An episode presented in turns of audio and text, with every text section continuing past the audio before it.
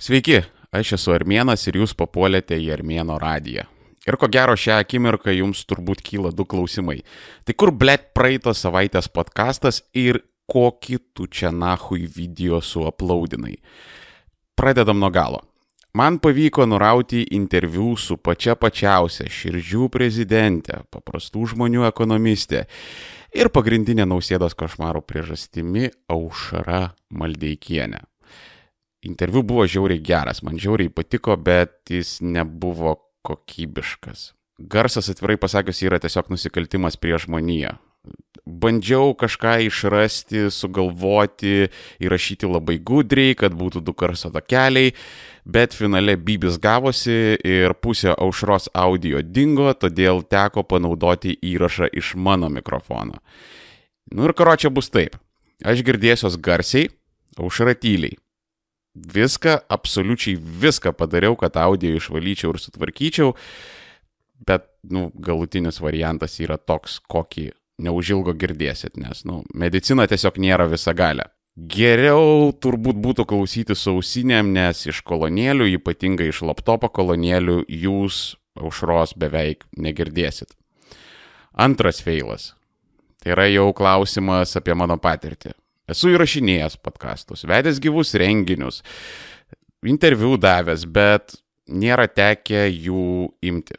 Ir čia absoliučiai yra visai kitokia opera.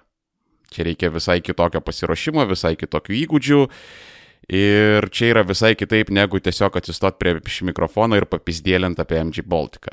Todėl, vėl įspėjimas. Armėnas šitam interviu yra kiek susikaustęs. Ir aš į eterį paleidau nedovanotinai daug medinių bairių, už kuriuos man ko gero susimokėtų dviračio žinių kūrybinė grupė. Harry, mano PM visada žinai. Atsakant į pirmą klausimą, kodėl nebuvo podkasto. Bet sakau kaip masiulis, beprotiška gyvenimo skuba. Įrašau pokalbį su Maldeikienė ir tada stringu nahui kokiom 35-40 valandų montavimu. Aš to dalyko absoliučiai nemokėjau. Ir dar pridedant prie to, kad reikėjo taisyti mano asmeninius dalbajobiškus fakapus, teko labai labai labai daug laiko paukoti, kad gautųsi galutinis produktas. Gera naujiena yra ta, kad sekantis interviu bus tikrai kokybiškesni, nes kada pisi veidų į betoną, pasidarai keletą savo gyvenimo pamokų ir labai greitai išmoksti teisingus ir neteisingus kelius. Ir dabar žinau, kaip neišsipisinėti, nevaidinti ahujieno garsisto visko išmanančio ir panašiai. Ir išmokau daug greičiau viską susimontuoti. Nes tikėkit manęs, kada tu tris paras praktiškai be miego ir valgio sėdi įsikniaubęs į kompą su pulsuojančiom venom ant kaktos, vieną kitą dalyką tu tikrai išmoksti. Tai žodžiu, apibendrinant, Armėnas toliau gamins po vieną podcastą į savaitę.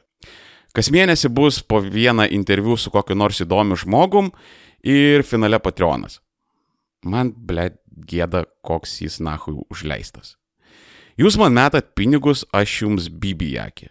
Todėl tik užbaigiu reikalus su šito video, iš karto imuosi Patreoną. Iš karto viską sutvarkysiu, viską padarysiu, kad būtų gerai, iš karto ten atsiras kontentas, gyvybė bonusai, pliusai, minusai, geri gražus dalykai ir taip toliau ir panašiai. Beje, visų susimetusių armėnų ant sprandinės, nežiūrint nuo sumos, lauks toks nedidukas loskas. Vėliau sužinosit apie ką. Karočią, negaišinu jūsų laiko ir jūsų dėmesio į pristatau Armėnas versus Maldeikienė. Skanaus. Arba kaip pas mumis sako, Hamecekach perniri. Čia jau pradedama, ne? Mhm. Nu, davai. Gerai, tai Hebra Armėno radijas, pas Maldeikienę transliacija iš Seimo. Atsakant į jūsų klausimus, taip, Maldeikienė man sumokėjo už visą šitą bitkoinais. Jeigu, tu, jeigu turėtų ir jeigu mokėtų ten, kaip ten tais bitkoinais moka, būtinai sumokėtų. Nu. Iš malonumo šiaip, kad mokėt malonu. Ai, nu, žinai, visada malonu ge, padaryti gerai geram žmogui ir ten ypatingai. Malonu, kai turi iš kuo mokėti, nu, tai bet malonu žodžiu. Ai, aš tai būčiau aš turtingas, aš būčiau labai labai skrūdžas ir ten uh, aš turėčiau tokį etapą, va, jeigu aš ten būčiau koks, nežinau, Matijo Šaitis, Avulius, aš tokį etapą turėčiau, kur ten stereotipizuoja, kur ten, pavyzdžiui, uh, sudėlioja ten tuos baudžiauninkus kaip baldus ir ten ant jų sėdi, ten, sakysim, ten iš žmogaus odos ten sofa kokią turėčiau. Aš niekada nebūsiu turtinga vien todėl, kad man žiauriai patinka viską atidalinėti. Aš tiesiog kažkokį turiu tokį malonumą. Aš kartais gailiuosi, kad nesu turtinga, nes neturiu ką atiduoti. Nu, čia, bet todėl ir nesu, ne, nesu turtinga. Čia, čia tikriausiai susijęti dalykai. Šiaip man labai neįdomu ten žmonių turtas, neturtas. Bet atiduot, ką nors yra įdomu. Man atrodo, tai kad čia vat, būtent nuo to ir reikia pradėti, kad ne, ne tai, kad čia nori kažką atiduoti, nes yra labai daug turtingų filantropų. Yra. Be, be, beprotiškai, bet e, vat, nuo to ir prasideda, kada tau tiesiog neįdomu būti turtingam. Tai Aš nežinau, ar man, pavyzdžiui, asmeniškai būtų neįdomu būti turtinga. Gal visokios gyvenimo patirtis yra įdomios. Net ir būti turtingu gali būti įdomi patirtis. Pavyzdžiui, kas su tavimi atsitiktų, kai pasidarytum turtingas? Aš vė, nu, esu patikrinus ką, pavyzdžiui, ką reiškia būti žymiam. Man tai yra dzin. Na, taip aš esu žinoma, taip aš einu gatvė ir mane pažįsta žmonės. Aš matau, ten sveikinasi, apžiūrinta, už nugaro šnypta, o žiūrėk, maldykėnė nuėjo.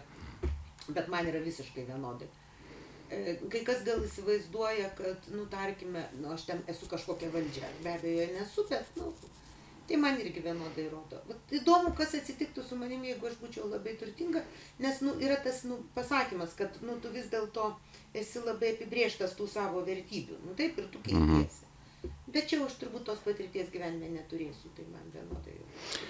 Nu, Žodžiu, kol kas aš nemanau, kad dėl kokių nors ten dalykų aš esu pasikeitusi, ar pasikeisčiau nuo pinigų, nu labai norėčiau tikėti, kad ne. Bet reikia paeksperimentuoti, kad suvoktum, ko. Tapsme, tu čia gali išbandyti savo ribas. Kur yra tos ribos, kada keičiasi tavo asmenybė. Tai aš tikiuosi, kad nesikeistų, bet galas žinoma.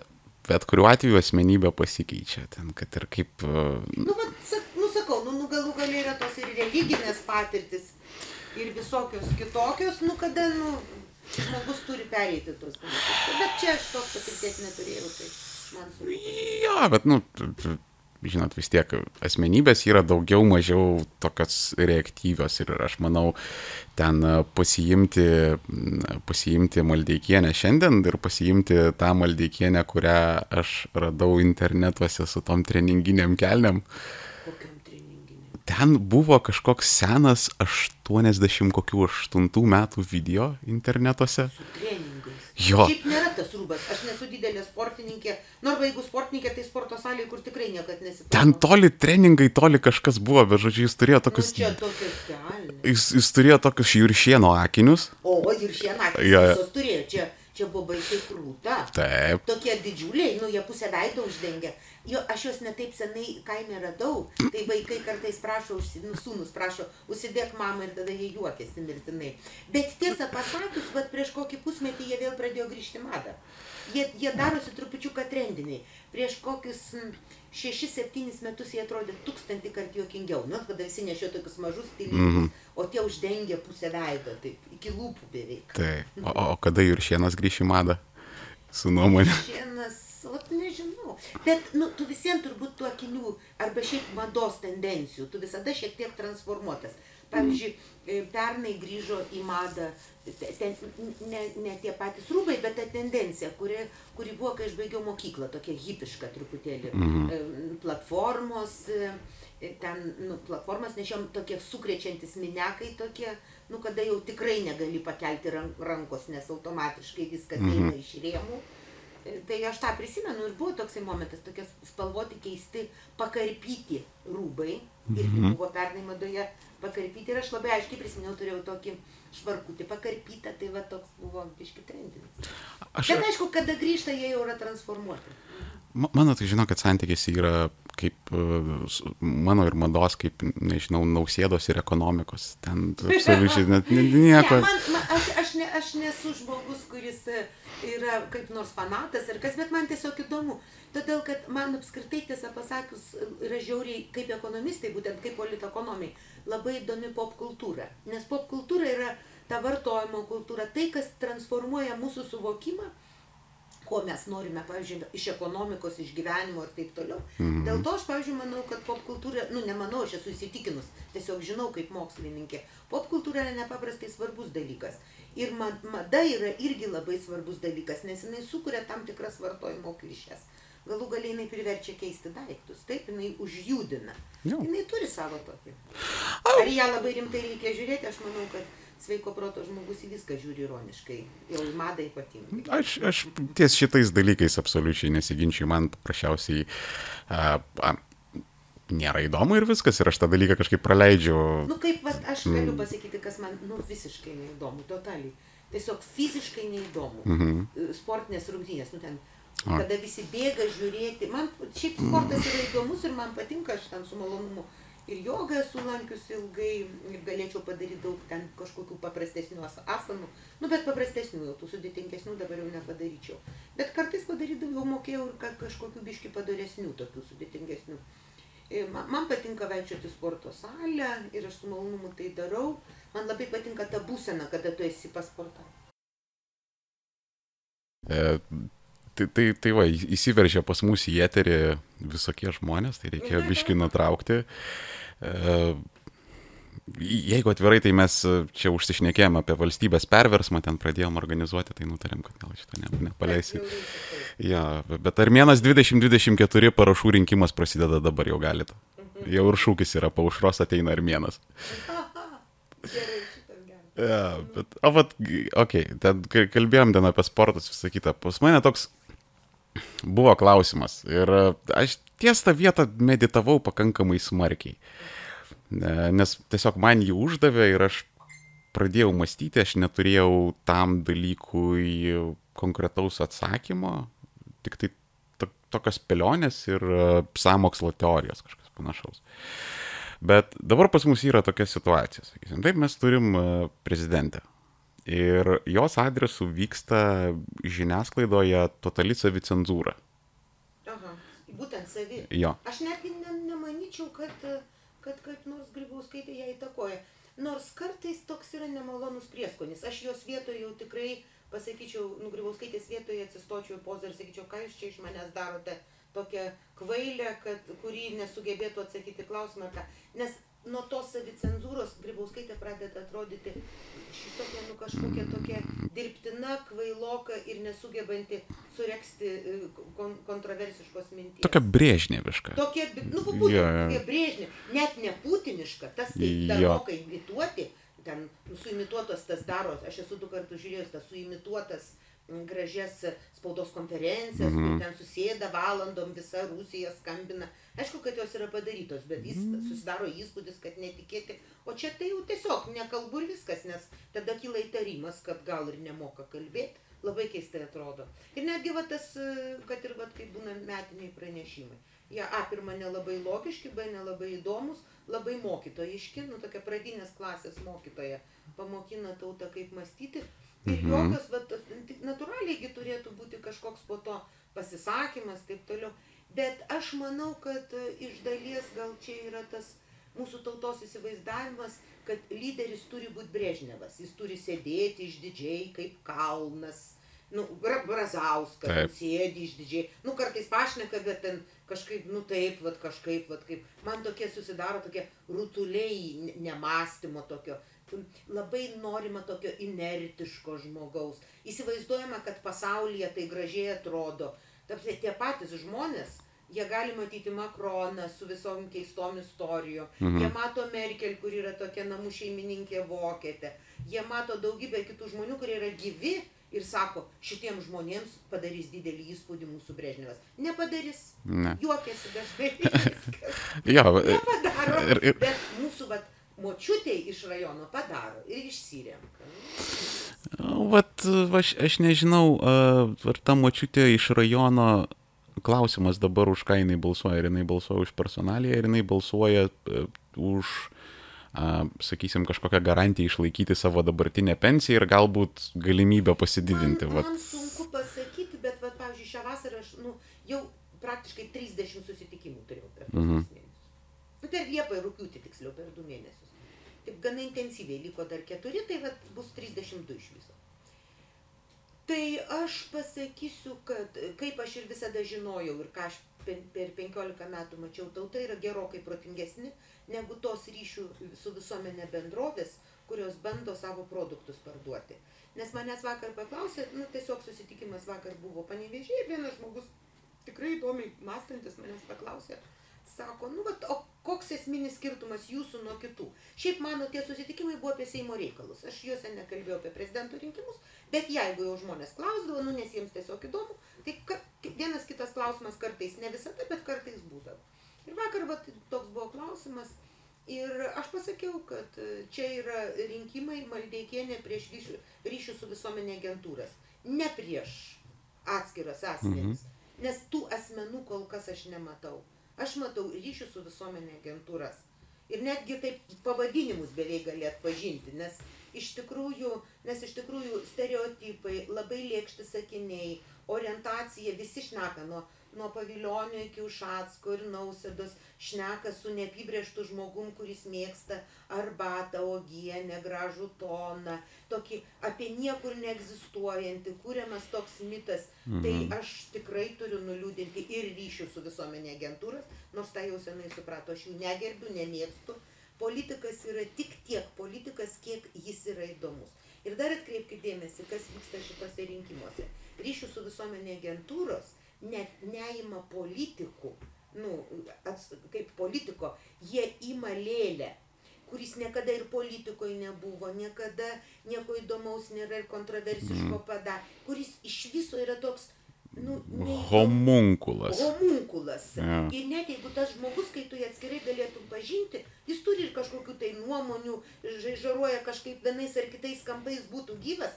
Ne, jis davedamas iki tokio mirusio, nu, štampo. Mhm. Šitas, vat, šitas atsitiko turbūt Lietuvoje, toks panašiai buvo Brazauskas, bet jisai turėjo dar tokio, nu, iškilnumo, Nu, nu, jis- dar tokių dalykų pasakęs. Nu, va, aš apie Brazauską, va, ką pasakyčiau, tai jisai toksai buvo ir toks, nu, caras, bet tuo pačiu ir tas, kur ten ir, ir pirteliai, ir boba pagraibys, ir toks, va, nu, Bet Jis pats, bet įdomesnių minčių ten nebūdavo. ne, oi, ne, ne, absoliučiai. Tas, ta antroji dalis, su tu- tos, nu, ten, pavyzdžiui, draugės ar kažkas, tai jos tokios buvo daugiau tarsi užkulisinės. Jo. Tarsi visi tas istoriją žinojo ir tada jis tarsi gauna žmogiško pavydalą. Jo. Bet kartu, kartu jis iš tikrųjų kaip pats, kaip asmenybė, jis nebuvo mąstantis. Žiūrėkit, jis nesvarstė, jis žinojo tiesas, jis žinojo tiesas ir nuo pirmoji viena tiesa galėjo būti, mes visada buvome katalikai ir švesdavom kalėdas. Šiaip jis turbūt sakė tiesą, todėl kad tikrai didelė dalis Lietuvos žmonių taip Mhm. darydavo, nu, sulaukdavo 24 gruodžio vakaro vėlaus ir tada jau pašvesdavo. Bet e, iš kitos pusės jis taip pat galėjo ramiai pasakyti, nukabinkite tą nu, skudurą. Jo. apie Lietuvos trispalvę, po to atidavė katedrą, niekada nesupratau, ką reiškia pavogi daiktą, nu, jo partija pasimetė, Taip. katedrą po to atidavė. Ne, netidavė. Gražino, jo- taip sakant. Ne, negražino. Iš jo tauta pareikalavo. A, ir jam buvo. nieko neliko kaip atiduoti, nes jis tada jau suvokė, kad kažkaip čia bus blogai, jeigu, nu, Mm. ta prasme, ir jis, ir jo ta, man tai, pavyzdžiui, tas, kai sako, Brazauskas gražino tikinti ant katedrą, man tai kvepia, nu, tokia, nu, tokia, tokiu cinizmu juodu, nes Mhm. tiesiog tauta pasakė, nusibodo, kad jūs mūsų, nu, ta prasme, Prievaizdai vos ne. Tai E, tas man nepatinka. Paskiau e, tokio žmogiško e, aturažo pas mus yra turėjęs tik tai vienas prezidentas e, pirmo laikotarpio Adamkus. Tamsiai daugiau mažiau tai Hmm. buvo žmogus. Jis kažkaip ten, nu, kažką dar kalbėdavo panašiai žmogų. O šiaip mes turime žmonės, kurie yra simboliai ir kurie simboliai kartais vat, labai keisti, kaip pavyzdžiui, ponia Grybauskaitinė iš tikrųjų yra nudėję stagnacijos, sovietinės stagnacijos simbolis. Nekalbanti, neduodanti interviu. Ne, Neišsilavinusi. Nu, nu, panašu. Sakyčiau, panašu. man labai Nu, panašu. toks Kažkaip, pana, ne, matai, kai žmogus nekalba, labai sunku įvertinti. Bet panašu. Ir iš tikrųjų, aš dar netgi pasakyčiau, čia ne apie ją daugiau kalba, apie tautą. Tai yra pasiektas tas lygis, bet baimės tokio Mhm. nu, negyvumo, mir- humunkulų toks lygis, kada žmonėms atrodo, kad čia ir yra vat, vat tas suprantat, netgi įsivaizduojat tas noras lietuviškas nebūti, o atrodyti pasiekęs tą. Jis sako, žiūrėk, kaip mes atrodysim su tokiu prezidentu Europoje. Ja. Mes turim prezidentą Europoje, kuris neduoda interviu spaudai. Arba, pavyzdžiui, tai žymėjo Grybauskaitės istorija su Švedė. Nu, nu, kaip, A, jo, nu, jo, yra, tamsia, aš nežinau, kaip mes pasirodėm e, e, Europai, bet mes pasirodėm pačią baisiausią formą. Aš mačiau švedė žurnalistės akis ir jas visi matė. Švedė žurnalistė klausė, sako, jūsų tautos žmonės skriaudžia, kaip jūs tai vertinate. Ir prezidentė pradėjo juoktis ir sako, nejaugi. Ir švedė sustingsta. Ar iki galo suvokia tauta, kaip atrodo toks tautos vadas iš šono? Prastai atrodo. Prastai. Ir žiūrėkit, o toliau įsijungia mūsų viešų ryšių su visuomenė agentūros ir vadinamieji elito žurnalistai. Visi vaidina, kad nieko nematė. Aišku, kad visi matė, Jo. bet bijo. Ką iš jų atims aš net ordinus? Žiūrėk, jiems duoda ordinus. Žurnalistas su ordinu tai yra beveik kaip mirties nuosprendis savo. Tu pasirašai. Aš gavau politinis žurnalistas. Taip? Nu, tu, tu, ar, čia mano galva. Tu imtum ordiną. Ne. Man paduotos ir kyčiau jūs iš proto išėjot. Tamsne, mano darbas būti, nu, žurnalisto panaujančiai situacijai. Ordinas. Nu, čia už ką? Nu, aš suprantu, kokį ten išgelbėjai, nu, žmogų, vandenį. Jo, už tokį dalyką, ar ten, ar, ar, ar gyvą sudeginai paleckiuką, pavyzdžiui, tai Nu, tu... čia aš nesutikčiau, bet aš, aš, aš manau, kad žmonės turi teisę turėti vairias politinės pažiūras, o mes turime teisę jas kritikuoti, bet, bet, bet taip, aš jeigu būčiau žurnalistė ir išgelbėčiau ką nors ir man duotų ordiną, tai aš manyčiau, kad gal čia yra kokia logika, bet aš nesu išgelbėjus. Bet kad duotų žurnalistiką, na tai yra baisu. Tai yra tiesiog, tu prisipažįsti, kad tu esi propagandinis žurnalistas. Jo, a, čia vienas. Mano tezėse net yra įrašyta, kad prie žurnalistikos skiriuko išplėtotose yra parašyta, niekada nie vienam žurnalistui neduosiu e, jokio ordino, nebent labai gerai ir kokybiškai mane kritikuos. Ir žiauriai protingai. Tai tiesiog tokia įrašiau tezė, truputį aišku, su doze ironijos. Bet kas, kas, kas, bet kas kaip yra... Labai, kaip, aš tai tikrai taip matau pasaulį. Bet žinot, ka- kame yra tragedija, kad dauguma žurnalistų e, šitą tezę perskaitė, tai išplėtojimą, sakysim, su ta ironija, kad jie užfiksuos tik tai pirmąją dalį. Nu, čia jų Tu prasme, čia ne mano. Jo, ne, tai čia... Aš dar kartą kartoju, aš rinkimuose dalyvauju kaip žmogus, kuris e, e, mano, kad ko reikia šitai šaliai, ką jis siūlo šitai šaliai. Jis siūlo šitai šaliai žurnalistikai grįžti į žurnalistiką. Tai yra kritikuoti savo vadovus, bet daryti tai kompetitingai, rimtai dirbant. Ne taip kaip Jekelaitis, iš ryto paskaičiau, ką rašo Delvis ir vakare mhm. pasišnekėjau, ką rašo Delfis, bet tingiu net pažiūrėti, ką tą dieną svarstė Seimas. Aš dvi, dvi savaitės esu stebėjus ir labai jokiausi. Seime rimtos temos, iš tikrųjų kartais net labai sudėtingos, pavyzdžiui, netgi pristatoma Europos ateities koncepcija, nu, Lietuvos ateities mhm. koncepcija Europoje, jisai šneka apie kažkokį Seimo narį, kuris gėrė, nes apie tai rašo visi. Nu, No. toks pigus, pigumas yra piguva vadinasi netgi. Šitas ar turi to mordiną, nežinau, bet turėtų. tai Oi, turėtų, aš manau, ne vieną, ne vieną. O tai irgi va toks įdomus klausimas, ne?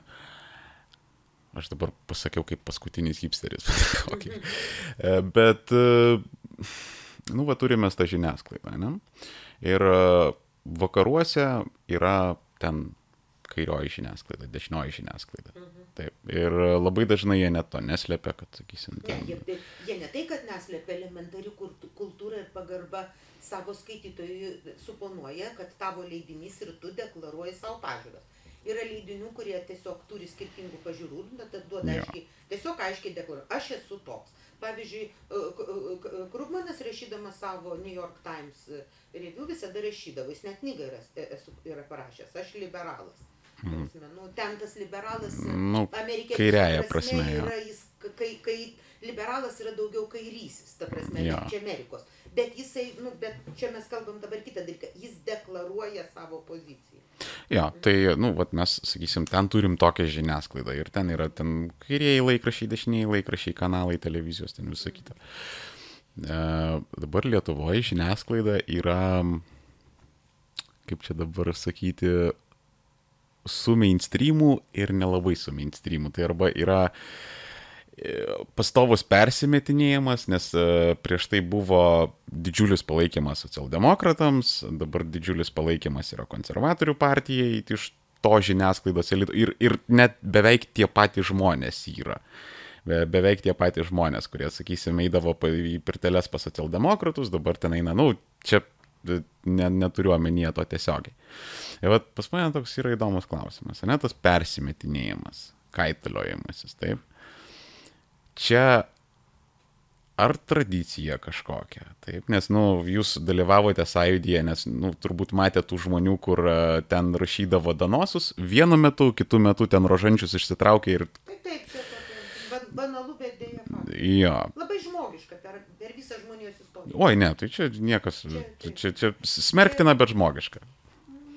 Matai, nukreipsios vardu, galiu aišku vadinti armėnų, bet Mariu, mm Matai, yra kokia problema.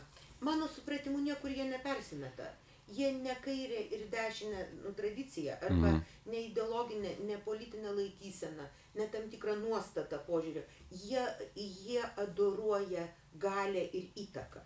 Tai kas tuo metu yra galios ir įtakos šaltinis, tas ir yra mainstreamas ir adoruojamas. Jis mhm. neša jiem tiesą, jie jos nekvestionuoja. Pavyzdžiui, tie, žiūrėkite, tie patys žmonės, kurie nuoširdžiai tyčiojasi iš Putino ir aiškina, koks Putinas autokratas, kokios jo baisios spaudos konferencijos. Mhm. Jie nesako šito apie Grybauskaitę. Todėl, kad Putinas tai yra, nu, tarsi tas, nu, patyčių objektas klasiai, taip? Nu, mhm. mūsų klasiai, šitoj mažutėj, taip? Ja. E, pavyzdžiui, Putinas susitinka su kokia nors vakarų žiniasklaida, nu, vakarų kokiu lyderiu ir aš, pavyzdžiui, labai, nu, visada skaitau Washington Posto, vedam, nu, tos vedamosius mhm. etapus ir nu, kolumnus ir New York Timeso. Washington Posto man šiek tiek yra įdomesnė, aš net nežinau kodėl. Irgi būna kairesnių, ten dešinesnių pažiūrų tie vedantieji. Jie analizuoja procesą tu jau pirmą, nu, tu nes pradedi skaityti net apie santyki Trumpo ir Putino, tarkim. Mhm. Aš čia daug vasarą skaičiau, kada po jų susitikimo Helsinkije. Tai tu iš tikrųjų randi daug minčių. Tu nustembi, kiek įdomių aspektų, nu, spinduliukų pamatė tame reikale. Spinduliukas nebūtinai geras ar blogas, nu, mhm. aspektai, niuansai, gal taip, gal svarstymo, tu matai mąstymo procesą. Skaityti lietuvišką, nu tą, mhm. yra neįdomu, jie, jie tiesiog praneša kad yeah. nu, Putinas tai apskritai yra ne, nu, ne, ne, negvestionuojamas, jis yra mm -hmm. blogio nu, kažkoks tai toks įvaizdis, yeah. Voldemortas šio laikinis. Yeah. Ir tada jau yra, ir Trumpas, tiek kiek Trumpas su Putinu kalba, jis tiek to Voldemorto yra įtakoje. -hmm. Kad Trumpas gali turėti kokius nors, ir Amerika gali turėti kokius nors savo atsietus nuo lietuviškų influencijų, influencerių įtakas, įtariu, kad Trampui nelabai gal aišku, kur ta mūsų šalis. Kiek aš jį stebiu, jis prisimena apie Baltijos šalis, kai jam turbūt už nugaros kalba apie Baltijos šalis. Bet čia jo problema. Bet mūsų influencerių problema yra ta, kad jie jau pradėdami rašyti žino, ką jie parašys. Ir to jie visiškai, absoliučiai tobulai yra pravdos mokytiniai. Ta prasme, jie ja. ateina ir jie žino.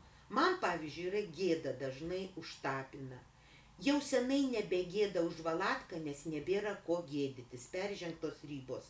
Ta prasme, visada žmogus lengvos isterikos priepolyje, jis žino, kaip kas turi atrodyti. Vat aš, pavyzdžiui, aš vientai įsitikinus, kad Valatka pasakytų, kad Maldeikienė, aš nežinau, ar jis tai kada nors yra sakęs, bet jo supratimu, Maldeikienė negali būti prezidentė, todėl kad jinai makaluoja rankom. Ar kada nors Valatka, ką nors iš tų 20 mano parašytų ir verstų knygų yra skaitęs? Ne galima padaryti, nu, tame, seišiną. Pasodinti -hmm. valatką, pasimti, nu aš nežinau, kas ten iš mano paskutinė versta knyga yra e, Rubinio krizės ekonomika, taip? -hmm. kur iš tikrųjų yra analizuojama, kaip kyla krizės, kokie sudėtingi fenomenai iš to stovi. Labai puikiai, labai iš tikrųjų informatyvi knyga, kas nori sužinoti su labai daug visokių niansų, kaip gimsta vat, visokie e, finansų burbulai, kaip juos atpažinti. Bet jis žino.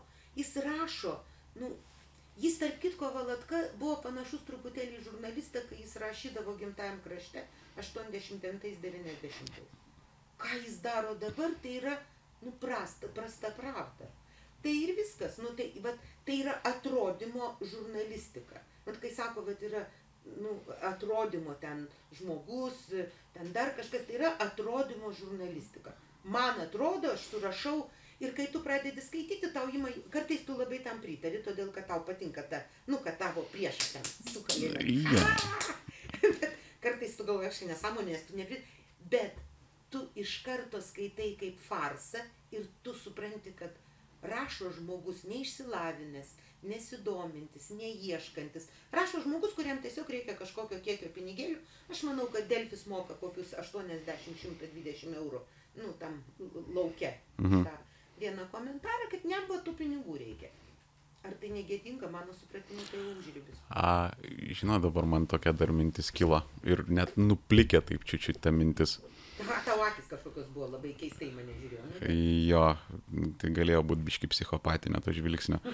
Be, bet tai Valatka yra vienintelis žmogus mainstreame, kuris padėk mums viešpatė kritikuoja prezidentę. Bet, matot, Tai- kritika, aš nemanau, kad e, žurnalisto darbas yra kritikuoti prezidentę, kritikuoti skvernelę ar dar kažko. Žurnalisto darbas yra net ir to, kuris rašo nuskiltis, ta prasme. Mhm. Nu, Valatka yra nu, ne tas žurnalistas, kuris informaciją teikia. Ne, ne, ne, Mhm. Valatka yra nuomonių žurnalistas. Ta nuomonė turi inspiruoti tave naujai diskusijos nu, bangai. Taip, kai tu skaitai gero, nu, gero, tikrai gero. Aš Lietuvoje nu, galėčiau paieškoti pavyzdžių, yra. Tas, kada tu skaitai gero kolumnisto, bet to skiltininko nuomonę, tu randi arba savo nuomoniai kažkokiu naujų argumentų, arba argumentų prieš savo nuomonę, tu sužinai kokį tai kontekstą. Ta prasme, tu jauti darbą už teksto. Darbas tai reiškia įsiaiškinta daugybė dalykų, sužinota, prisiminta, rastos nuorodos, pažiūrėta į pasaulinį kontekstą. Kodėl? Pavyzdžiui, mes nepaprastai su grybauskaitė iškrentam iš pasaulinio konteksto. Žiūrėkit, koks dabar yra pasaulinis kontekstas. Į politiką grįžta politikai. Taip, visur. Mhm. Mhm. Makronas politikas, Merkel šiaip visą laiką. Merkel senai sėdi politikoje, nes yra politikė. Jis atėjo kaip toks nu, žmogus, su, kurio, kuris, kuris tikrai, nu, kurio tikrai nedaro ryšių su visuomenė žmonės. Jie ne, nesugebėtų padaryti nu, taip nebanaliai. Jinai vieną, vieną, vieną tokį filmuką esu mačiusi, su ja, kuris man labai paliko įspūdį. Jinai išnekėjusi su kažkuo tai, nu, kažkokiu lyderiu iš mažesnių šalių Europos, man atrodo, Italijos, Ispanijos, ne, ne, pamiršau, bet kažkas iš pietų. Ir, ir, ir jinai staiga pamato, akivaizdu, matosi, kad nu, labai moteriška situacija, jai tikriausiai bėga koinės. Ir jinai taip visą laiką tą savo koinės pažiūri, patrina, sijoną patampo. Ir jinai matosi beveik nuo teksto atitrūksta. Mhm. Toks labai žmogiškas. Ne, paskui jinai pokalbį palaiko. Tai yra, nu, gyvas žmogus. Monstrai niekada nejuda. Monstrus rodo vienu kampu ir jie nejuda. Tai ta prasme, vat, mes pakliuvom į tą kohortą šalių, kurių, kurių lyderiai yra mirę, negyvi, su, sustingę Plasmasiniai. prasme, Jie tokie, nu, jie visa, tu visada žinai, kad jie pasakys kelis sakinius, sakiniai bus neįdomus. Tiesa, nuomonės gali keistis. Pavyzdžiui, žiūrėk, kaip ateina Grybauskaitė 2009, kokia užsienio politika. Oi, tai jinai net, pa, man atrodo, Lukašenka buvo vienas pirmųjų jos svečių, berots. Taip, bet jinai sakė, mes su ubagais nedraugausime, buvo tokia frazė. Mhm. Akivaizdu, tai ubagai tai buvo Ukraina ir Gruzija. Todėl, kad reikėjo distancionuoti save, atsiskirti nuo Adamkaus. Nes, nu, iš tikrųjų, Adamkaus indėlis šitoje srityje yra labai didelis. Ta prasme, mes galime vienaip ar kitaip vertinti, bet jis tikrai labai daug padarė. Jis užsienio politikoj buvo labai kietas. Lietuvą Tai pačiai Europai, kaip Taip. šalį, kuri gali palaikyti gerus ryšius su Ukraina, Gruzija. Kad mes po to turėjome neigiamą. Vien, vienas dalykas baigėsi nelabai kaip. Per mūsų pirmininkavimą, kada mes jau visai Europai įrodėm, kad Ukraina tikrai pasirašys tas sutartis, nu, asociuotos. Ir, ir čia mes, tai yra mes biški, nu, kaip mum įprasta, per gražų vaizdą kūrėme Europoje. Ir jie po to reakcijos buvo la- labai labai įvairios. Aš jas po to siekiau Europoje. Jie nuo tada į mus pradėjo gerokai ironiškiau žiūrėti. Bet Adamkus iš tikrųjų ten labai daug padarė. Jo. Mūsų valstybės vadovas turėjo iš tikrųjų kažkokį savo failą, kuriame jo nuomonės klausdavo. Mhm. Nu, ir kartu Lenkijos ten ta vadovas. Ateina Grybauskaitė, sako, čia mes su ubagais nebendrausim. Tiesa, mhm. paskiau mes ramiai su jais bendraujame. Ir jinai dabar jau pritarė.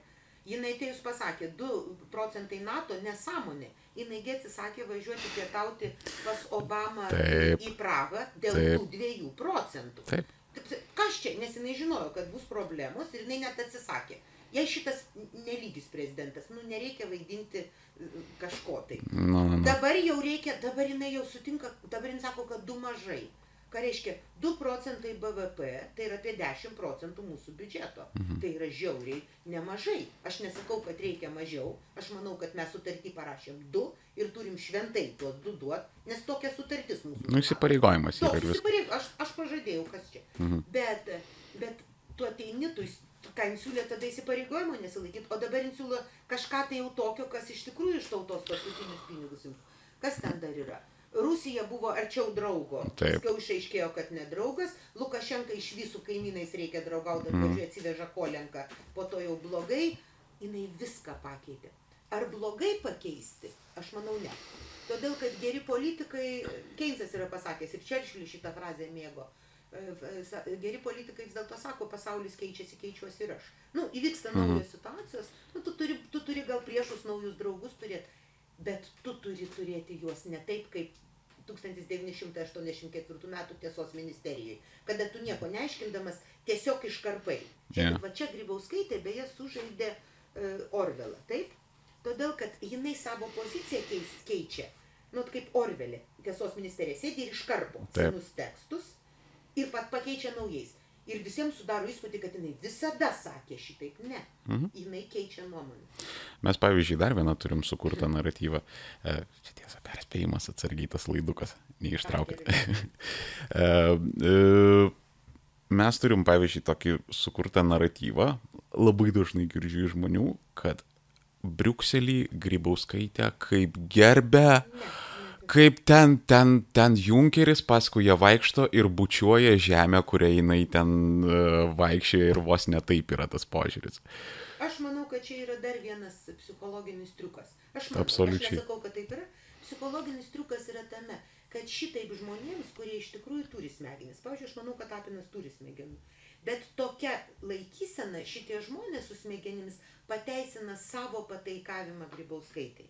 Tarsi, iš tikrųjų, čia jie labai nepaprastai keistai susiliečia su tomis vat, susitikimuose, kartais būna močiučių. Ir vakar tokia viena buvo garbaus amžiaus močiutė, kuri visą laiką aiškino, kaip mano vyras kažkada pardavė mm, Lietuvą, dar kažką tai, aš jai sakiau, mm, kaip mes nekenčiam Landsbergio, ponė sakiau, čia susitikimas su aklaisiais apie aklųjų problemas, kur yra, na, atėjo, nu, regite. Mhm. Ir aš tada supratau, tos močiutės tikslas yra kažkaip, vat, pateisinti tą, kad kažkaip jos dievukai nėra dievukai.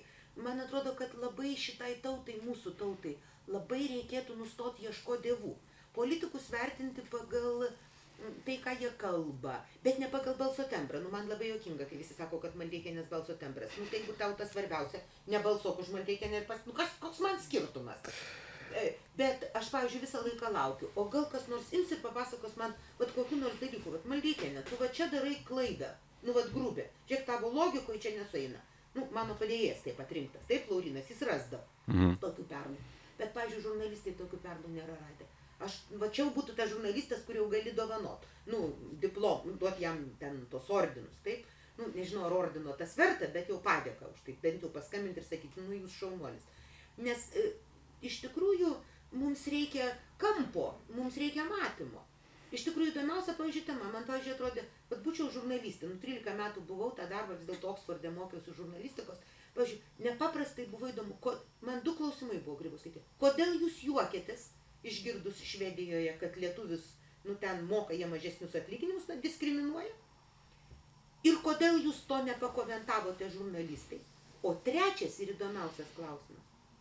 Kur tas Lietuvo žurnalistas, kuris būtų turėjęs moralinės jėgos savyje, pasakyti, aš klausiau šito prezidentės, jinai neatsako į klausimą ir man kyla mintis įvairios. Mhm.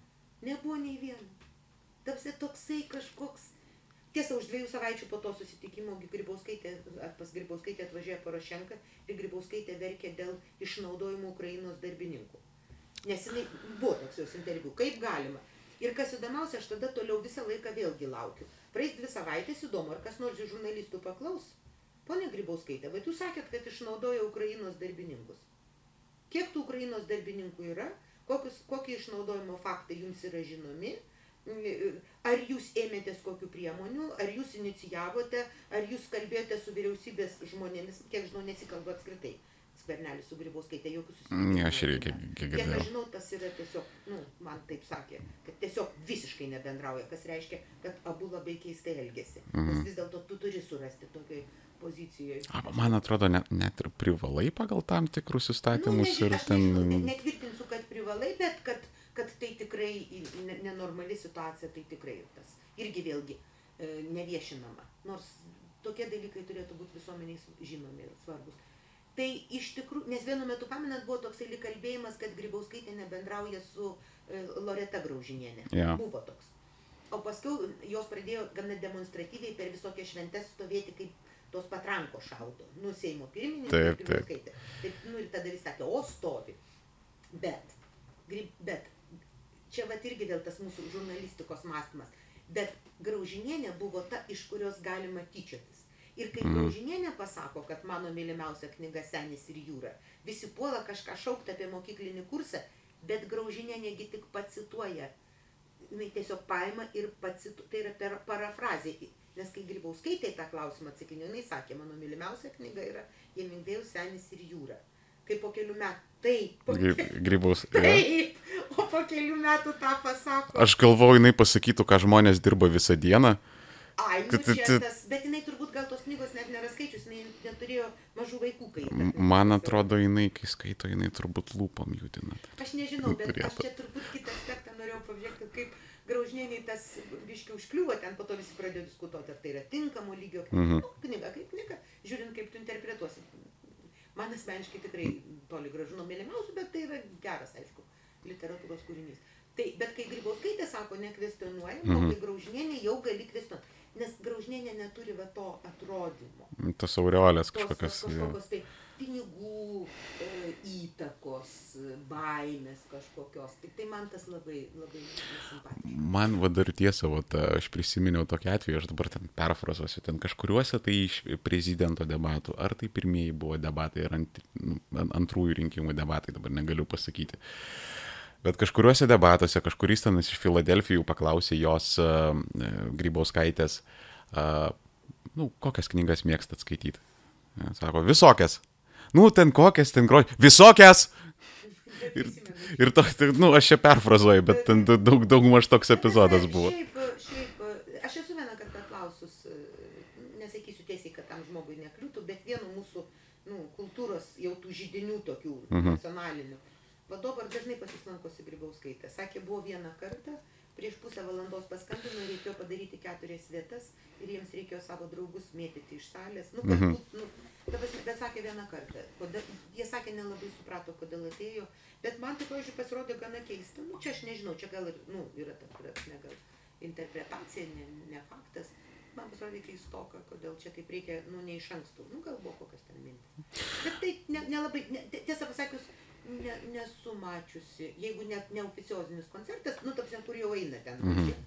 nesu mačiusi. Nu, bet visai gali būti. Galų galia neprivalo žmogus būti Ne, neprivalo, bet nu, es, esminis daiktas yra toks. O dabar mes e, čia sėdim su a, jumis, ne, ir pabiški prisišnekinėjom. Ir pas mane pabiški vienas pusrutulis suka tas statistinis dalbajobas, ne, Lietuvos. Ką jisai galvoja, kaip jisai, nes uh, dabar, pavyzdžiui, jūs pasakėte tokį dalyką, kad, sakysim, uh, va štai Putiną kritikuoja, Grybauskaitės nekritikuoja, taip. Uh, jau valdeikienė vatnikiai iš karto, iš karto gaunasi. A, nu, tai kvailių skaičius visada be-. Bet jis nėra didelis. Be jokios abejonės. Ir vat e, aš dabar galvoju, re- reikėtų biški e, įlysti į tam tikrus dalykų niuansus, nes e, dabar ko aš pasigendu apskritai, vat viešoje erdvėje, tai yra e, niuansų nebėra. Tai aš Absoliučiai. nėra žurnalistikos nėra niuansų. Jo. Tai dėl to ir einu į tuos rinkimus. Atsargiai kabeliukas, kabeliukas. Einu į tuos rinkimus dėl tos paprastos priežasties, kad bent Jo. vai kokius niuansus pabandyti. Jo, ar Įdomu, ar, ar pasiseks. Aš manau, kad bus nepaprastai daug darbo padaryta, kad nebūtų debatų. Tai daug darbo.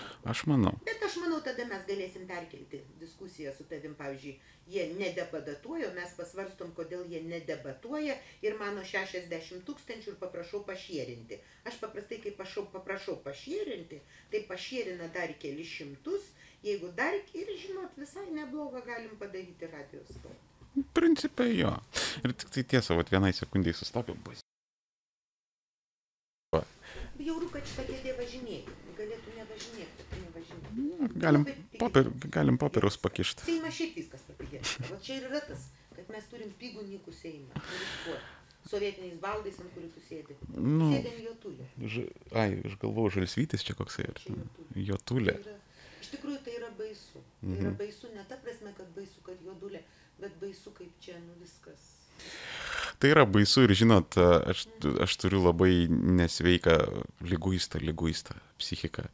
Ir e, aš, aš galvoju, vat, kiek ten tų tokių pilvotų Seimo narių, ten senų dar turbūt, e, ten visokių TSKP narių ir panašiai.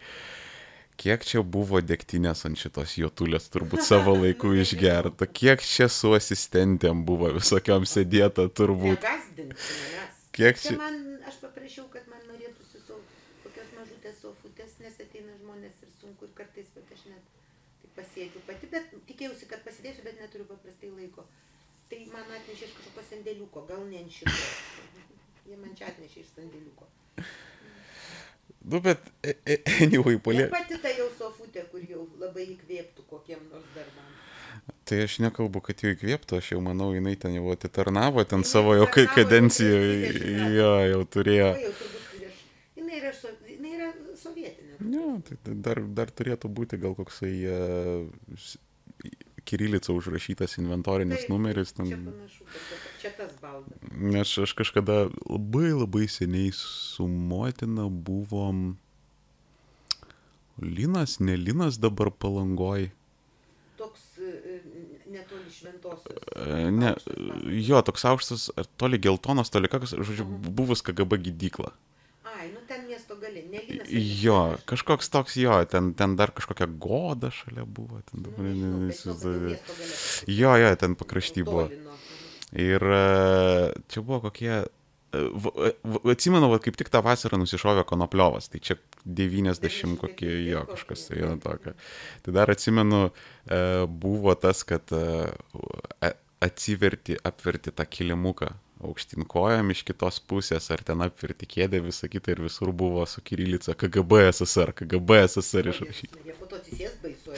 Jo, tai, tai aš, aš tik tai po, po to, kai saugau, ten susimašiau, kad ten šiaip turėjo būti ir operatyvinės įrangos, ten prifarširuota ir kaip turi būti. Tai, ne, nebelabai, kas turbūt jau. Ne, tai greičiausiai jo. Kad- dabar kiti namai, turbūt, kurie yra įdomesni tokiam kontekstui. Oi, tai aš manau, aš manau, bet kad ti- tiesiog ne, nenusiplaukėt apie tos visokius ten KGB, SSR. Uh, nu, tai, jo, kaip ir sakiau, nebėra niuansų. Jų negali. Ryšiai su visuomenė, kada tu politiką darai šūkių, šūkiai tai yra Jo. yeah. imk niuansus. O yra tas gražus kitas pasakymas, kad nu, velnės slypi detalėse. Nu, Mhm. Iš tikrųjų visos problemos ir yra detalėse. Ir tos detalės ir politika ko ir žavi, kad joje tų detalių be proto daug. Kodėl yra labai nu, kūrybingas ir įdomus žmogaus mąstymo produktas. Tu turi sudaryti nepaprastai daug įvairių interesų. Taip? Ir tada tu iš tikrųjų nu, vat, labai orientuosi. Bet aš pasakysiu dėl tų vatnikų. Taip? Mhm. Aš tiesą pasakius truputėlį gailiuosi iš vieno šono, bet iš kito šono neturiu laiko, tai atsistatinėti nesiketinu. Vatnikų yra, aš juos visus savo nusienose iš karto išmetu. Kai žmogus man pradeda aiškinti apie ten Sovietų sąjungos gėrį, gauna porą patarimų, nu, kaip ten buvo su to gėriu, o jeigu nenutyla, tai gauna baną. Nu ir viskas. Mhm. Aš, ta prasme, problemą sprendžiu, nes n- tiesiog laiko gaila, aš turiu įdomesnių užsiemimų. Negu žmonėms, kurie neturi mąstymo dovanos, skirti savo laiką. Netokia aš jauna, kad čia galėčiau visus mokyti ko. Bet mm, tai aš jų ne- nebeskaitau, bet man įdomu yra kitas. Kodėl yra taip daug žmonių, kurie tiesiog nenori mąstyti. Va tas man įdomu. Ir, jie, ir tie, kurie nenori mąstyti, jie nepasidaro vatnikais dažniau. Jie pasidaro tais, kurie tiesiog sako, aš, nes, aš aukščiau politikos. Aukščiau politikos, tai, pažiūrėjau, toks klėdesys, va čia kaip tik savaip irgi turėjau tokią moterį, jau, ja, jaučiasi baise menininkė, nes ten su vyru yra kažkokie aktoriai važinėtės, kaip po to išaiškėjo kartais net ir į Rusiją, ten savo būna spektaklius dar. Iš labai tokios menininkų šeimos jau atseit Kauno meno elitas, truputį su sovietiniu atspalviu. Nu, nesakysiu pavadinimo, nes tai visi supras, bet techniškai jos isterika, kad Seime visi sėdi, algo 6 tūkstančiai ir lygiai tris kart mažiau, taip? E, ir ta, taip toliau, kaip jos vargšas sunelis, ten menininkas už 400 turi gyventi. Ir kaip čia taip Seimo narė neturi mašinos, nu, daug isterikos tokios, mane tojame labai nustebino kas. Paskui tiesa aiškėjo, kad stovi du automobiliai, aiškina, kad neturi pajam- pajamų, bet turi du naujus automobilius. Mhm. Tarsi, visiškai paslaptis kažkokia didžioji, lietuviška paslaptis. Bet man net ne tai buvo įdomu, man buvo truputį įdomu. Tas žmogus jaučiasi tautos elitų, o argumentai kaip nu, pačios kvailiausios bogulytės. O vakar į susitikimą panevežį atėjo iš tikrųjų senučių ir tokių tikrai garbaus amžiaus žmonių ir klausimai buvo superiniai. Nu, tarsi iš tikrųjų tokie gilūs klausimai tikrai, vat, nu, ne, ne, ne, gal ne apie žurnalistiką, ne apie grybauskaitę, bet vat, rimti tokie dalykai, kodėl taip, o va čia mums taip. Tarsi, kad keletą klausimų buvo tokių, kad aš nu, pagalvojau, nu va, aš džiaugčiausi, nu, suformulavus tokį klausimą, nes, nu, atsakyti lengva klausimą sugalvoti sunku.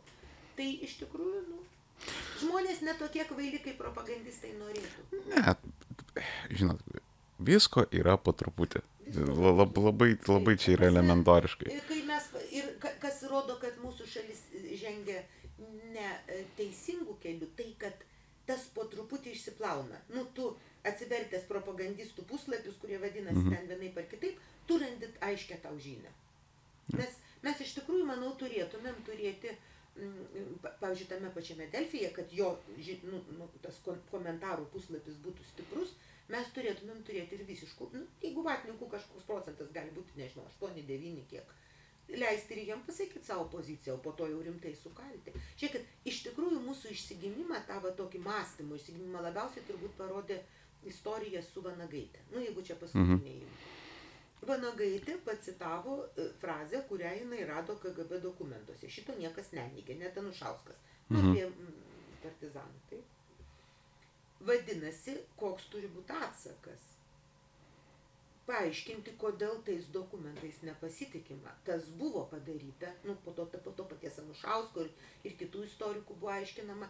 Buvo labai graži proga prisiminti rimtas knygas tą temą ir knygas apie Vanagą, tai irgi buvo padaryta, bet buvo visiškai nedekvatu ir labai rusiška, pačia blogiausia prasme vulgarus azija, azijato mąstymas, Mhm. užsipulti žmogų, kuris pacitavo, nu, popierių. Su šakėm ir Taip. fakilais. Puolė ant moters, kodėl kaip jin drįsta. Šitapsi, palaukite. Tapsi, ji, ji pats, ji net nesukūrė. Jinai būtų sukūrusi. Mhm. Ir tai, nu, pasakai, nu, tu meluoji, taškas. Normalioj šaly tai yra diskusijos, taip? Tu suvoki, tu, ne, niekas nesako, pas mus, matot, yra toks tikėjimas. Jeigu tu pasakai, aš esu tą keletą kartų pastebėjus, aš, pavyzdžiui, pasakau, kad vieną kartą esu pasakius, labai paskui daug kritikos gavau. E- Ėjo kalba apie elitą. Marija. E, Aš atsiprašau, Niolė, nelabai galiu kalbėti. Aš perskambinsiu. Mhm, Žodžiu, jinai, e, e, kur sustojau? K- Apie Vanagaitę kalbėjom, kalba apie elitą Ai, kažkas. vat vieną kartą aš esu patyrusi tokią, tokį vat, nu, labai priešišką reakciją ir pastebėjau, kad net ir po kurio laiko žmonės vis prisimindavo, man primindavo. Kažkokiu ten tų pokalbių laido, televizijoje aš pasakiau, ėjo kalba apie elitą. Mhm. Ir aš pasakiau, nu, kaip elito pavyzdį, e, Natalija Bunkė ir, ir ten Oksana Pikul. Mhm. Ir kas buvo labai įdomu, visi kažkaip išgirsta, kad žodis elitas, jis turi būti toks nekvestionuojamai tobulas. Ne, nekvestionuojamai tobulas. Kodėl? Elitas tai yra tas, kas yra darantis įtaką Mhm. tūkstančiams merginų jaunų Natalijos bunkės laikysena ar dar kažkas yra įdomi, jos ją seka, jos domisi kas. Tai ne visi žmonės ten turi nagrinėti giliai kažkokius ten politinius klausimus ar taip toliau. Ji yra pramogų pasaulio elitas, arba bent jau, nu dabar dar yra, anksčiau buvo dar iškesnis, taip. Bet tie žmonės nori elitę matyti dievus, tokius nekvestionuojamus. Žiūrėkit, jie pavyzdžiui įsivaizduoja, kad jeigu mes pradedam na- analizuoti tos pačios grybauskaitės kalbą, ar logiką, arba veikimo metodus, kurie mano supratimu nu tikrai be galo atkartoja būtent Brežnevą, net ne Mhm. Tai kažkaip pažemins grybauskaitę. Ne, kalba eina apie Ne, vaikyseną. ne, ne, ne, aš pataisysiu, kad tai pažemins Lietuvą. Ai, nu, čia jau Ta prasme, čia čia- sekantis, tai čia taip būtent. E, Kas kad, kas, kad Brežnevas jau nebesupranta, ką daro, bet Jo. jeigu pasakysi žodį apie Brežnevą, tu pažeminsi e, e, Visą Rusiją. sąjungą ten. Žiūrėk, Amerikoje yra tokia antitrampinė toks Isterija, galima sakyti. Isterija, Jo. mainstreamas beveik. Pusė televizijų atsisėda vakarė ir sudirbinėja Trumpą. Nu, amerikiečiams užtenka suvokimo, kad vieni myli Trumpą, kiti nekenčia. Šiaip politikas yra tas, atpažinti labai lengva Mhm. politika, kurio pusė myli, pusė nekenčia. Vat, Jo. Vytautas Landsbergis yra politikas. Ja. Net ir aš esu politikė, manęs pusė Lietuvos klaikiai nekenčia, nes jie tiesiog supranta, kad aš neatstovauju jų interesų ir man juokinga, ką jie ten kalba. Tai tie patys vatnikai manęs labai nekenčia, bet man labai patinka, kad manęs nekenčia ir propatrija, ir alkas, ir vatnikai. Reiškia, kad kažkaip aš taip viduj turiu kompasą. Čia mano moralinis Mm. kompasas. Kad manęs turėtų nekesti žmonės, ku- kurių pozicijos man yra, nu, tokios atrodo kontroliuojančios, dirbtinos, negerbiančios kitų žmonių dėl vienų ar kitų nu, priežasčių. Tai iš tikrųjų, tai man kartais labai, aš vis dar pasitikrinu pas juos, ai, dar jie ne manęs nemėgsta, reiškia, dar aš kažkaip neiškripau iš kompos. Nes dabar, nu, labai baisu iš komposo iškristi, taip? Jo, bet aš, aš, aš tai irgi, kai esu atsidūręs toje situacijoje, kada tu esi ten e, vienu metu ir Gosdepo, ir Kremliaus, ir Mossado agentas. Tai, tai reiškia tvarkoj. Ja. Reiškia, tu, čia būtent tas ir yra. Reiškia, vieni tave mato taip, kiti mato Mhm. taip. Nu, pažiūrėjau, Propatrija labai pergyveno, kad gražulis yra prastas kata- katalikas, bet Maldeikienė daug prastesnė už gražulį. Šiaip jau nepaprastai katalikiškas ir krikščioniškas judesys nus- nustatyti už Dievą, kas yra kuo, taip? Mhm. Nu, ta prasme, Sinica čia aišku pasirodė aukščiausiam lygmenyje. Aš dar norėjau jam atsakyti, bet to man pasidarė taip klaikiai gėda už jį, už situaciją, už nu, diskusijos lygį, kad aš patilėjau, o dabar jau tiesa perėjau kitą situaciją, labai juokinga. Aš prisimenu, kažkada čia prieš keletą dienų Sinicos tapkas kvylė apie mane paskaičiau. Aš pradėjau taip juoktis, viena mano draugė, nu, kuri vien, vienuolė buvo ir šiaip labai toks bažnyčiai šviesus žmogus, Vasoj Karmelitė netgi pasakė, o, sakė, pasirodo, Dievas turėjo keturis asmenis. Dievas tėvas, Dievas sunus, švento, nu, Mhm. dvasia ir sinica. Tas, nu kaip, nu, nu reikia sustoti. Aš- aš tai- Bet kartu tai tas tau padeda kažkaip, nu, ieškoti argumentų. Gerai, kai tave, man, pažiūrėjau, patinka, kai mane. kritika. Ja, viskas Aš ok. tada pasitikrinu, ar čia, ar čia, ar čia kažkaip, nu, yra tame, kas sakoma, kažkiek tiesos, pamastau. Tai Tai aš dėkinga jiems. Tik, tik, nu, tik tai pripažinkit, kad e, geriausia yra, pati fainiausia yra ta konstruktyvi kritika. Ne šiaip, kad ten... Oi, čia aš nežinau, man kiekviena konstruktyvi kritika, man atrodo, yra Dievo dovana. Jo. kada tikrai Dievas pasirodo, kada tu gauni konstruktyvios kritikos, kada žmogus sako, tu šitą supainiojai, tavo logikoje atsirado netinkami argumentai, tu faktus su- suvėlei. Mhm. Esu keletą kartų su- suvėlus faktus, ten kažkas, kažkas nu, ten nu, pasimeta galvo informaciją arba nepatikrini ko nors, nors jau rašau skaičius ar faktus, tada visada labai stengiuosi patikrinti iš, iš kelių šimtų. Nu, bet žmogiškasis faktorius visada ten Ne, gali bet suveikti. Nu, taip, aš tikrai Taip. nevaidinu.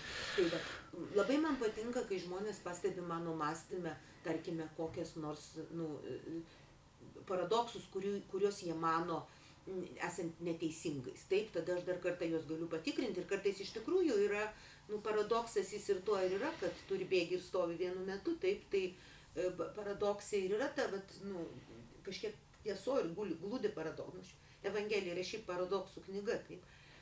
Nu, Tai- kraupiai. Kas? Ne, kraupiai. Aš čia vis tiek pas mane ten yra įvykę gyvenime daug visokiausių įdomių transformacijų, tai aš pats esu paradoksas, nes aš esu em, ateistas krikščionis, kaip čia dabar šitą reikalą pavadinti. Aš, e, aš netikiu, netikiu į Dievą ir neišeina ir tai e, bet kuriuo atveju tai nėra intelektuali pozicija. Aš čia galiu ten intelektualiai atsisėsti, ten pradėti nuo didžiojo sprogimo visą kitą. Bet mano galva tas tikėjimas, netikėjimas tai kažkas vat yra, nu tiesiog kaip koks genas, kaip vos net seksualinė orientacija, kad vat... Kartais, kartais man būna toks jausmas. Man yra viena mano draugė pasakiusi labai jinai man pavydė mano tikėjimu. Ir aš iš tikrųjų tada ilgai apie tai maščiau ir paskui pagalvoju, aš savo pavydžiu tikėjimu todėl kad aš tikrai galbūt man atrodytų kad gal tas genas yra iš šeima ta prasme jeigu tavo šeimoje tu matei autentišką tikėjimą ir autentišką pasiaukojimą tikėjimui o aš tokių Mhm. pavyzdžių labai mažutė būdama daug mačiau tai man čia nėra koks nuopelnas mano tikėjimas jis yra tiesiog aš natūraliai mačiau kaip tie žmonės atlaiko visuomenės spaudimą kaip tie žmonės atlaiko įtampas pavyzdžiui kai tėtė sakydavo man mažutei visai mažutei čia paskiau nebeveikia kai tu esi paauglys jau nebeveiks tu įjungsi logiką bet kai tu esi labai mažutis ir tu išgirsti iš savo tėvelio kad e, jis, jis, nu, jis buvo Varkutos lagerio kalinys, tas nu, Varkutai kalėjo, viename iš Varkutos lagerių. Ir jisai sako, kad kada yra visai blogai, galima gimelstis. Mhm. Ir tada tu kažkokį visai, bet tau turi būti 4-5 metai, tu labai aiškiai gauni kompasą gyvenime. Ir aš, pavyzdžiui, nu, esu daug kartą bandžius ir man visada Dievas padeda, tai aš turiu tokios, aš netgi nežinau, kodėl, kod- kodėl aš tikiu, kad jis man padeda, kodėl ne, ne situacija pasikeitė. Čia, aš dar kartą kartuoju, tikėjimas nėra, nėra išmastytas daiktas, tikėjimo negalima patirti. Tikėjimas arba yra patirtis, o, o, o katalikai labai gražiai sako malonė. Aš kartais juokiuosi, Dievas turbūt žino, koks esu silpnas žmogus ir jeigu nu, jis galvotų, kad aš stipresnė, tai jis gal man neduotų tokio tikėjimo, reikėtų kurti, bet kai aš silpna, tai aš, tai man, man pavyzdžiui, va, tikrai, tikrai aš galiu pasakyti, labai tikėjimas palaiko viltį visais atvejais. Aš esu labai dėkinga, nu, tėveliams, dievui, visiems, tarsi, už tai, kad aš tiesiog gavau tokį, nu, tiesiog palikit mane ramybėje, aš tiesiog žinau, kad taip yra. Bet aš suprantu, kad žmonės visai nebūtinai šitą turi. Labai gražus pavyzdys, aš visiems tokiems ate- ateistam brūkšnelis krikščionių. Aš tokių daug pažįsta, man net skamba paradoksas, gana taip, nu, kaip įprastas paradoksas. Žmonės tiesiog ieško Dievo, bet jie negali jo, nu, rasti ir tada sako, nu, nėra, aš ateistas. Neracionalu, istorijos keistos. Bet e, e, yra labai gražus tokio žmogaus pavyzdys, motina Terezė. Motina Teresa gi pasakė, rašė savo dienoraščiuose. Aš visą gyvenimą abejojau, ar jis yra, ne, tikrai netikėjau. Aš tiesiog dariau tai, ką jis liepė. Taip, va, tas labai pas ją, nu, tai aš tiesiog pagalvojau, kokiu laipsniu žmogus turėjo kentėti. Nu, nes, jinai, Mhm. nes vienas dalykas, kada tu priimi tą poziciją ir tada tu kažkiek atsai, nu, šonė gyveni. Tu gyveni gyvenimą, kuriame, o kada tu priimi gyvenimą ir tu, pažiūrėjau, kunigu iš tikrųjų būti gerų kunigų ir turėti abejonę viduje. Nu, didelis išbandymas. O tokių yra šventieji, kai kurie tu jauti, kad jisai yra šventasis ir jam, ne, turbūt kūdikėlio Jėzaus Teresė. Toks absoliutaus tikėjimo pavyzdys. Mhm. Bet jinai ir mirė vaikas, 20 kelių ten metų, iš kurių, e, nu, nu, turbūt 13 sėdėjo vienuolinė ir ne, už, visiškai uždaram tų laikų vienuolinė, tai ir nematė žmogaus. Mhm. Tai tiesiog tu gyveni ir dar tuberkuliozės irgo. Tu kažkaip kaip dovana gauni, nu viskas ten taip. Iš... Bet jeigu tu turi va tą kančią gilę, nu jobo drama galų galę apie tą patį, taip, nu tam tikrą formą. Tu, tu, tu, tu sunkiai. Mano mylimiausias šventasis yra, žiauriai man patinka, labai piktas, vaikščia, visus mokė. Vis aš kartais jaučiuosi net panašiai. Toks Lietuvoje nelabai populiarus šventasis, bet, aš, bet apie jį lietuviškai knygą yra išleista ir kažkaip perskaičiau, supratau, mano šventasis. Kai man būna blogai, aš su juo ten pagalvoju, kaip ten darytum. Tai Filipas Neris toks yra. Nu, toks rustus, ten jo visi nekentė, jis lakstė po, po, po, po anų laikų, ten vos ne Bordžios laikų. Romą ir visus sauklėjo. Filipas Neris tau patiktų. Aš, aš dabar galvoju, aš, aš dabar galvoju, čia kartais, em, čia kartais ne tas, e, čia, čia mes kalbam apie popiežių. Pamiršau, koks ten buvo popiežius. Jo. Iš tų popiežių, kur nebuvo geri popiežiai, o biški ne tą darė. Bet Jo, jo, bet, tas- bet gal ne pas... Aš tiesiog prisimenu tą dabar, aš tada galvoju, gaila, aš, aš turėjau tą knygą, bet kartu su tuo sudegusiu namu ir ta knyga sudegė e, Filipo Nerės gyvenimas. Bet aš dabar galvoju, reiks man paieškoti tos knygos arba vėl iš naujo paskaityti. Aš tiesiog turiu tą, nu, bet kai aš perskaičiau, man, nu, buvo tiesiog, žinot, kaip, vat, nušviečia, va čia mano, nu, ta prasme, aš su, sunkiai pozicionuoju save, pavyzdžiui, su, su š- visiem tu turi turėti savo šventai, taip? Mhm. Mm, Aš, mano krikšto vardas yra Pranciška, o, o nu, nes močiutė buvo pranė, taip, tai aš liktai, tik tą meilę tokiems gyvuliukams gamtais aš tikrai turiu ir man ten patinka mažulėliai, skriaudžiami ir aš iš karto labai susirūpinu, kaip čia skriaudžia kokį nors vargšą žmogų ir jau man, tai, tai aš savyje to Pranciškaus sielos kartais randu, tai aš dar galiu su Pranciškum pasišnekėti. Bet, pavyzdžiui, mano antras sutvirtinimo vardas yra būtent ta kutikėlio Jėzaus teresėlė ir čia yra skylė. Man jinai nu, totaliai neįdomi. Ta prasme, aš ge- gerbiu labai tą nu, tokio galbūt tyro tikėjimo šventoji. Nu, ne mano šventoji. Tai vad kokia nors nerė, kad būčiau. tai va, aš žiūrėjau, tai sutvirtinimą, tai man patiktų. Tai aš tokiais atvejais. Bet čia, nusakau, čia nereiškia, kad aš turiu teisę ten svarstyti. Nu, Šventoji yra. Šventų yra, yra tokių piktų šventų, yra tokių keistų. šv- Šventieji man yra turbūt įdomiausias dalykas. Ko nors gyven, jeigu ko nors gyvenime tikrai norėčiau Mhm. būti šventąją. Bet čia yra, yes, ypatingai įdomu, kad tu gali tapti šventuoju tik tada, kada tu nei sekundę netiki, kad tu esi šventas ir tu niekada to nesužinai. Ir kažkaip ten, man atrodo, Tai vyksta tik po to. man atrodo, kažkaip ten per kančią reikia numirti dar ne, kažkas, ne? ne? Ne, nebūtinai. Yra šventųjų, kurie, nu, kokia ten kančia buvo pas kūdikėlio Jėzus Teresė. Sėdėjau vienuolinę, visi lakstė aplink ir sakė, oi, kokia mūsų Teresė. Ne, visokių šventųjų yra. Ne, nereikia čia, yra, yra šventieji kankiniai, bet yra šventieji, kurie e, kokią nors žinę praneša, kai kurie, ko- koks ten, pavyzdžiui, kankinys yra Jonas Paulius II, kurį skubiai padarė šventuoju. Mhm. Aš, pavyzdžiui, manau, kad, manau, kad šventasis yra ir pranciškus. Aš manau, jis bus šventasis. Tarsi aš turiu tokį ryškų jausmą. Mm, Aš, pavyzdžiui, turėčiau kažkokį tai...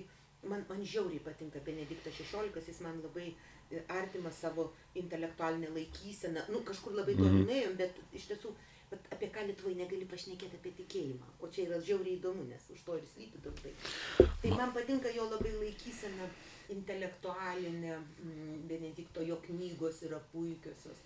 E, Jis yra, nu, man, man jis yra, nu, nu, nu, kosminiai, dieviškas savo protų. Bet aš turiu tokį jausmą, kad tai yra toks, vat, nu, mokslininkas. Taip, yra net ir sakoma, kad jis ti- ti- tiesiog atsisakė to savo sosto, nes... Nes jam čia jau taip buvo. O va Mm. Pranciškus, jis yra, jis yra tas, va, tas džiaugsmas, kuris kiekvienam tikėjime glūdi. Ir jis niekur nenusimuša nuo to savo kompaso, n- pataikauk e, davatkoms. Jis nepataikauk Jo. davatkoms. Šiaip čia Jonas Paulius II, jisai tą e, pradėjo įdomų trendą, nes e, jis, jisai tas buvo tas toksai... Išėjęs. Jo, tas ta- ta- pa- paprastutis, sakykime, toksai paprastutis tas popiežiai. paprastutis gal nebuvo, bet, bet jis buvo paprastas. Nu, čia paprastutis, kiek galima pasakyti, paprastutis apie žmogų, kuris ten važinėja su popomobiliu ir ten aprengtas Nu, kaip... Rašė, prasme, Taip. Taip, bet, nu, ka- kalbant apie tą laikyseną tokią. Man, man, man, man Jonas Paulius II turbūt niekada nebus mano popiežius. Aš jį esu, kai jis buvo atvažiavęs į, į, į Lenkiją Lomžoje, Mhm. aš prastovėjau pusę nakties ir po to mes stovim ištiesę rankas bažnyčioje ir jis mano ranką palėtė. Tai aš turiu tokį kažkokį labai tokį, nu, tokios pergamentinės, jis ėjo ir visų Mhm. rankas čiupinėjo ir viena iš tų rankų buvo, aš, aš buvau visiškai ekstazija, čia kokie 92-3 metai, pamiršau, kas ten tom, lo- toj lomžoj buvo. Visą naktį ten kažkokiose pelkėse stovėjau, paskui bažnyčią suleido, bet labai kažkaip skaf. Ir, bet man buvo labai teistus, bet tai niekada nebus mano, mano, bet tas, e, nu, popiežius, man patinka labai jo kova su, kapita, su, su komunizmu, ta prasme, aš labai, kai jis Mhm. sakė, nebijokit, va ta didžioji jo frazė, nebijokite, Mhm. nu, tos hidros, kur yra Sovietų sąjunga, bet man tikrai ne- nelabai priimtina jo pozicija, dėl, kad jis vis dėlto buvo tas, kuris mano galva, nu mano galva, Mhm. ir, nu ne tik mano, bet ir mano galva, aš jo darbų daug skaičiau, šiek tiek atsisakė tos, e, tos jis absoliučios pagarbos neturtui, kuri yra įdėta. Mhm. Neturtas yra dovana turtingiesiems, kad galėtum suvaldyti save. Tai va šita pozicija, kuri dabar gražiai išreikšta iš pradžių Benedikto XVI darbuose, tad Benediktas XVI tą pasakė ir pakartojo keliose, keliose paskutiniuose savo darbuose, enciklikose.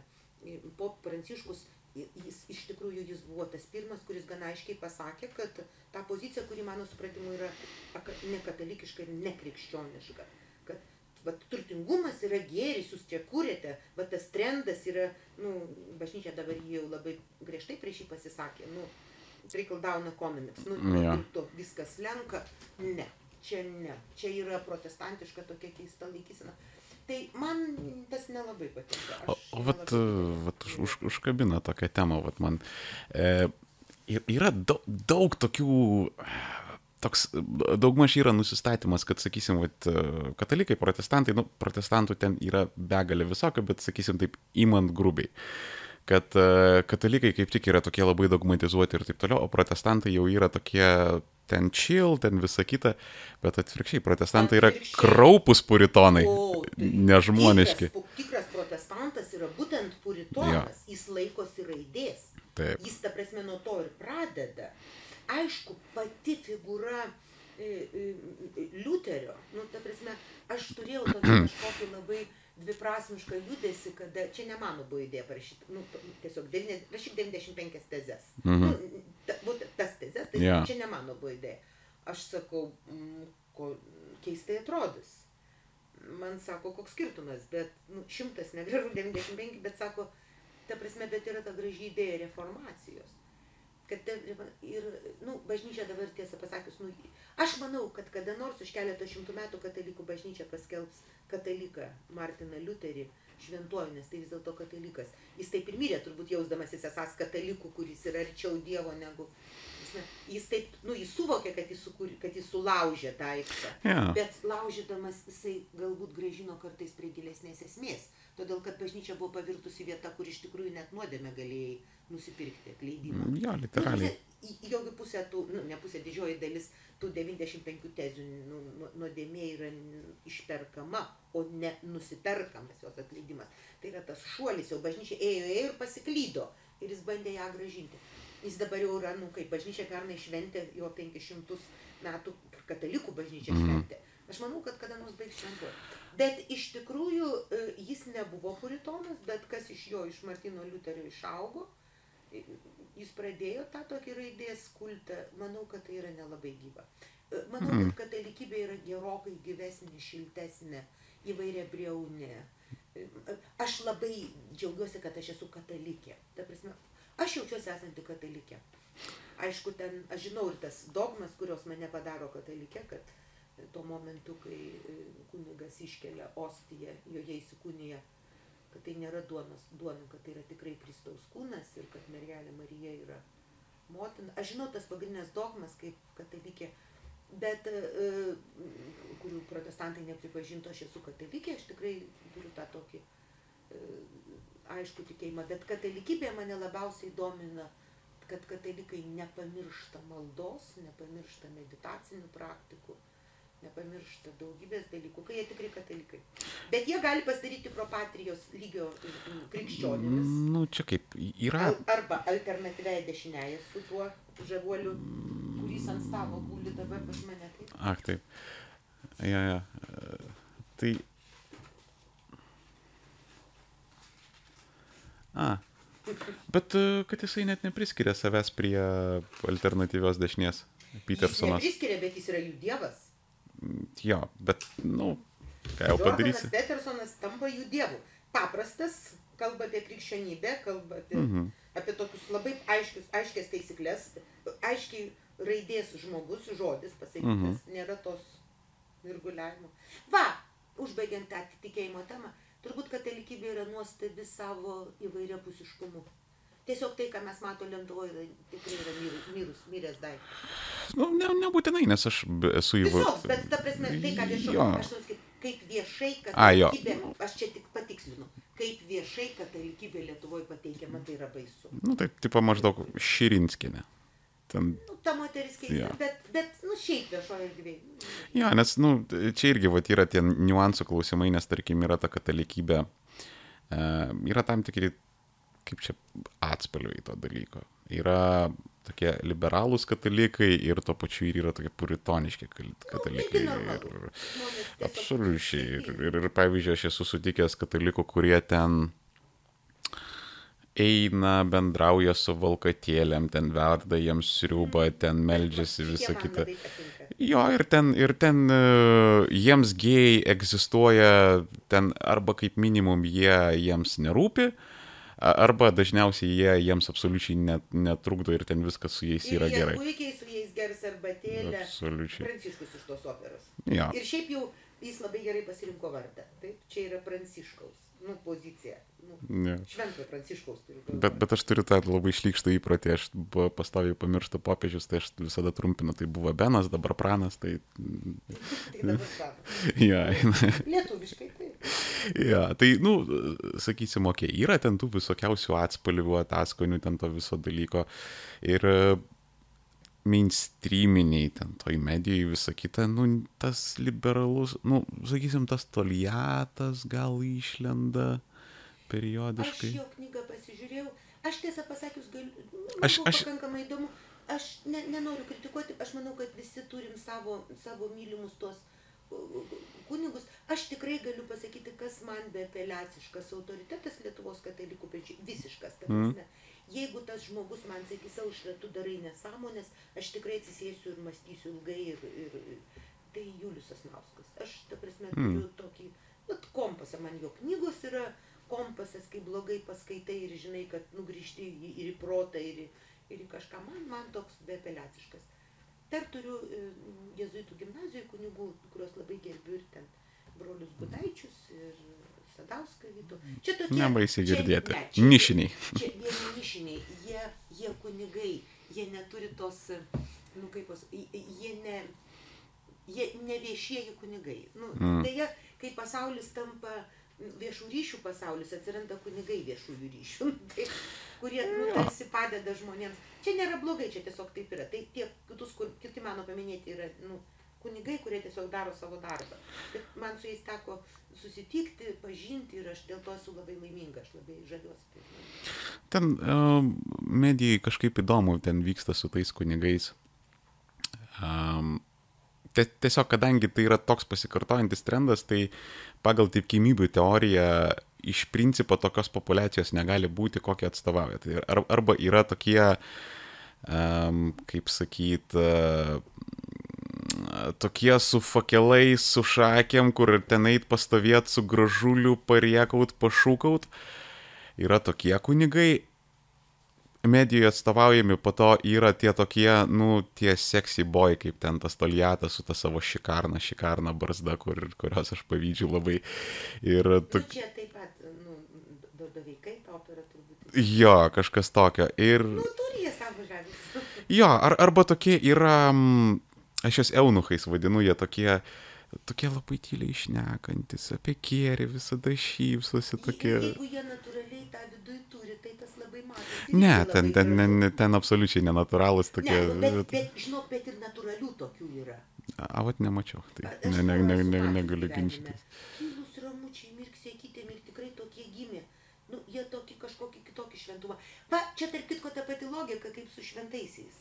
Jeigu skaityti šventųjų gyvenimus, tai yra nepaprastai, tu pamatysi, ten yra nuo visiškai tokių tyliai kalbančių, kurie visą gyvenimą taip ir pragyveno beveik be nuodėmės, neaišku, kur ten tai gimto, baigiant tokiais, kaip reikiant, razbainikais, kaip mano močiutė sakydavo, aš kaip razbainikė lakstai gatvėmis. Nu, kada išpuldavai ten pasigriebęs duonos su cukrum, užpilto vandeniu. Nu ir išeidavai į laukus patikrint, kaip gyvenimas eina. Sakydavo, kaip razbainikė bėgioji. Tai va tokių šventųjų yra kaip razbainikė. A, šiaip ten įdomus, a, ypatingai tie ankstyvieji laikai, kai ten buvo ta ankstyvoji, a, dar iki didžiosios schizmos, ta ankstyvoji krikščionybė. E, kažkokį istoriką girdėjau kalbant apie Dievo atletus. Ir kaip žmonės nusiraudinėjo. Negirdėjau. Jo, ir ten būdavo, kur ten vienas ant stulpo ten kažkiek dešimtmečių pragyveno. Ir- Ten... Ir aš galvojau, kad čia mitas. Ne, bet rimtai pasakė. Istoriškai, bet jis gyveno. Taip. Kas ten vyko? Tamsi, o, e, kaip jis, e, pamiršau vardą, stulpininkų vadinasi. Pamiršau, Steponas ir kažkas. kažkas iš Krito to. į- Pamiršau vardą, aš net knygą esu skaičiusi. Aš galvojau, čia mitas, man čia buvo didelis sukrėtimas, kad... Jo, jisai, bet, Jis egzistuoja. jo, nu tiesa, nu jis, jis ten nebuvo, kad ten, sakysim, ant tokio stulpo kažkaip pak- Ne, nu pakibęs. tikriausiai reiktų ap- tą visą. Bet man buvo baisus įspūdis. Aš kaip supratau, Taip, ten, aš kaip supratau, ten tiesiog antikinė kolona kažkokia buvo, kuri nu, pati iš savęs stora, tai jau ten yra kažkoks Nu, gerai, kvadratinis bet, nu, metras, bet... Nu, kad ir net jeigu tu galėtum atsigulti. Ja. Tu gyveni apribotoje erdvėje, jis ten ne 20 metų stipri. Jo, jo, ten kažkas nesveika. Ten, tokio, nu, Ten po to kažkokie būdavo, kur nesiprausdavo 20 metų, ten būdavo, kur olose ten gyvendavo, ten irgi Nu, ten... nesiprausdavo tai kartais ir karaliai, bent jau ir Izabelė su kažkuo ten nesiprausė, nes ten Jo. su kažkuo kovojo. Jo, jo, jo, tai visas... Ja. Nu, žinai, aš tau pasakysiu, turbūt religinė, religija yra tai, kas labai arti žmogaus sielos. Ir kadangi tai labai arti žmogaus sielos, gali įkvėpti į nepaprastai keistiem poelgiams ir nežmoniškam žiaurumui, pavyzdžiui, nu, Jo. kad ir ta pati inkvizicija. Religija yra gana baisus daiktas, ta prasme, kai jinai nesuvaldyta, nu, ką mes dabar matome musulmonuose. Ir aš bijau, kad e, iš dalies vat, tie dešinieji, e, pavyzdžiui, e, alternatyvioji dešinioji Amerikoje, jinai turi savyje to kuksklaniškos dvasios. Ne, aš, aš manau, e, kaip su visais judėjimais, e, ten yra labai reali radikalėjimo rizika. Labai. Mes gyvenam pasaulį, kuris radikalėja. Jo. Ir jis dabar, kada aš kažkada ten 6-70 metį radikalėjo į kairę, jis dabar radikalėja į dešinę. Jo. Ir ta dešinė darosi labai, nu, tokia. Nu, Baisoka, nes e, baisoka. grįžo nacijai. Nacijų nebuvo labai ilgą laiką. Ir e, aš taip įtariu, kad nu, visai galimas daiktas, kad tam tikrose Europos valstybėse musulmonai gali su geltonais pusmenuliais vaikščioti. Kada Nu, nors. Arba bent jau galvoja, tie pusmenuliai, pusmenuliai stipriai įsisanspauduos, tu jų kartais Mhm. mhm. dar baisiau, kai tu jų nematai, o jie yra, taip, Jo. nes tada pavojus didesnis. Bet aš, aš ir Lietuvoje tokias tendencijas matau. Principė jo. Man, man pavyzdžiui, šitie yra baisesni, kurie, nu, bet, pavyzdžiui, užsipuolinėjimai Lietuvoje dažnėjantis, kad ir interneto erdvėje ant žydų, tai bendruomenės. Mhm. Ką čia, man yra baisiau negu vatnikai. Todėl, kad tai yra, tai yra giliau kažkaip, tai yra kažkaip net, nu, ten vatnikai tai dažniausiai kažką peza apie gerą gyvenimą prie ruso, kas yra šiaip savaime nesąmonė.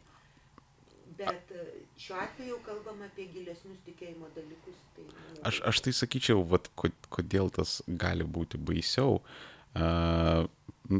Nes vatnikas tai yra apie kažkokią nostalgiją ir apie Taip, apie bukumą. prisim- nu, dažnai. dažnai. Vaikiški prisiminimai, kad cukrus buvo labai saldus. Aš yeah. daug metų nevalgau cukrus, nu tada jis saldokas buvo. Dar kažkas, tai čia vaikiška, o čia yra jau ne O čia jau yra apie neapykantą konkrečiai. Konkrečiai apie neapykantą. Aš tikrai e, manau, kad, bet, pavyzdžiui, Sinicos tekstai, kai kurie savyje turi tą, nors Sinica tikriausiai yra geras žmogus, kaip jis save suvokia ir tikriausiai daro daug gerų žmonių da- dalykų, bet ta tendencija, kur yra vat, propatrijos puslapyje, kur iš tikrųjų yra labai graži forma, jinai Mhm. viduje turi tą labai didelį pavojų. Aš nesakau, kad jie tokie yra, nedaug dievė. Bet e, ten, mano supratimu, ten yra didelis pavojus. Jo, ir, nu, padėti kitiems suprasti tiesą. Kai tau ateina noras kam nors, kam nors padėti suprasti tiesą, ateina fašizmas. Arba stalinizmas, ar kas nori. Tai pats. aš, aš taip, mm, aš nenoriu čia pasirodyti kaip kažkoks apokalipsės šauklys, bet... Uh, Netimk iš manęs garbės, aš Ah. po 13 metų turiu kličkę apokalipsė. a, šitaip netgi, ne. Nu, tavasme, nu, Aš gal, aš, Mano brolio telefonė ir dabar, kada suskamba muzika ir skambina jos sesuo, parašyta apokalipsė. Jis sako, kartais būna susipurtau iš netikėtų. a, aš tada galiu būti jūsų raitelis koksai nors. Taip va. Aš nežinau, kas ten buvo, bet jo draugai, kai jiems buvo 13 kokių metų, nutarė, kad čia man geriausiai tinka. Apokalipsė. Apokalipsė. Nu, bent jau turėjot kažkokią pravardę. Tai Tai, aš turbūt turėjau, nu ir po, pra, pro pravardę turbūt stovėjo kažkoks, kodėl kilo tas žodis. Pakankamai toks, nu aišku, 22 vidurinė literatūrinė klasė. Tai daug poetų, menininkų, tai jie ten pasitarė. Žodis toks gudrus, čia brolio draugai. a, Bet ta prasme, bet vis vien. Nu, tai, anyway, su apokalipsė pasišnekėsiu apie apokalipsę. Ir ten, um, aš, aš taip, nu, vienas iš tų dalykų, kai nelabai nori būti teisus, bet aš principę matau tokį ir atei, ateinantį ir tokį ir minkštą fašizmą, Taip. ir minkštą socializmą. Tokį, nu, socializmą blogąją prasme, ne, ne, ne, ne švedišką Ne, prasme. ne, ne, ta, ta, ta, ta, ta prasme, kai e, iš tavęs viską paima ir truputuką duoda. Jo, ir ne, nebūtinai ten. Ir, ir neleidžia daryti tai, ko tu nori, net tavo kvailysčių tau. Jo. Ir e, tarkim, ten ta situacija, sakysim, Amerikoje su Trumpu yra, man atvirai pasakius, dar kol kas labai sunku Trumpą vertinti, nes jis, aš, jiems, aš, aš atvirai pasakysiu, aš jiems simpatizuoju, man patinka huliganai. Aš tiesiog, ten, ten tiesiog, kada jisai atėjo, ten šitiek žmonių iškrito monokliai, Kad tai jau vien yra tai, Jo. mąstyti. Jo. Bet kita vertus, jis nėra baisiai, nus- jis apskritai nėra nuseklus. Tai, ką jis išdarinėja, bet mes kalbam šiandien yra rūpiučio 21 diena, Mhm. 18 metų. Nes aš bijau, kad šiuo atveju tai yra, nu kaip bijau, arba nu, jaučiu pareigą pasakyti dieną, Mhm. todėl kad pasarasis dvi savaitės jis kalba kasdien kažką kitą, tai gal kai aš kalbėsiu jau, nu, turi būti aišku, kad mes šiandien šnekam, va, ta, rūp, Jo. 2018 metų rūpiučio 21 dieną, Trumpas yra nu, nuoseklus. Nes jis man atrodė gerokai nuseklesnis ir prieš rinkimus, ir po rinkimų. Mhm. Aš parašiau savo blogą dar iki rinkimų gerokai, kad e, aš manau, kad jis laimės. Taip kaip aš buvau pasakius, kad breksitas bus. Aišku, atsirado tokių, kurie čia išvelgia, kad aš to noriu. Aš, ne, Mhm. aš, ne, aš tikrai nei bačiulis, nei bačiulio gerbiu. Čia jis, man atrodo, vienintelis jo norėjo. Bet aš manau, kad Amerika tiesiog yra tiek subrendus demokratija, kad reikėjo trendo prieš tą tokį, nu žinot, obamiškai, em, nu, Hillary Clintoniškai, klintoniškai, e, levinskiškai, nu visai kitaip tokia atėjusi trenda.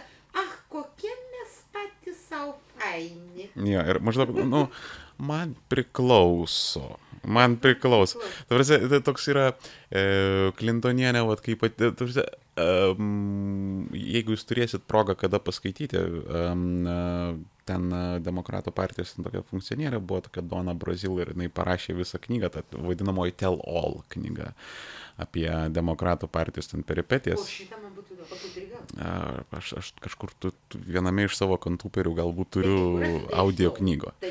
Ja, tai e, audio knygą tikrai nupaišysiu. Tai tai, žodžiu, jinai pasakojo, kaip buvo Bernis Sandersas ten nustumtas, bet va tai va, ten koja į veidą vos. Sandersas pas mus buvo gyvas. Ja.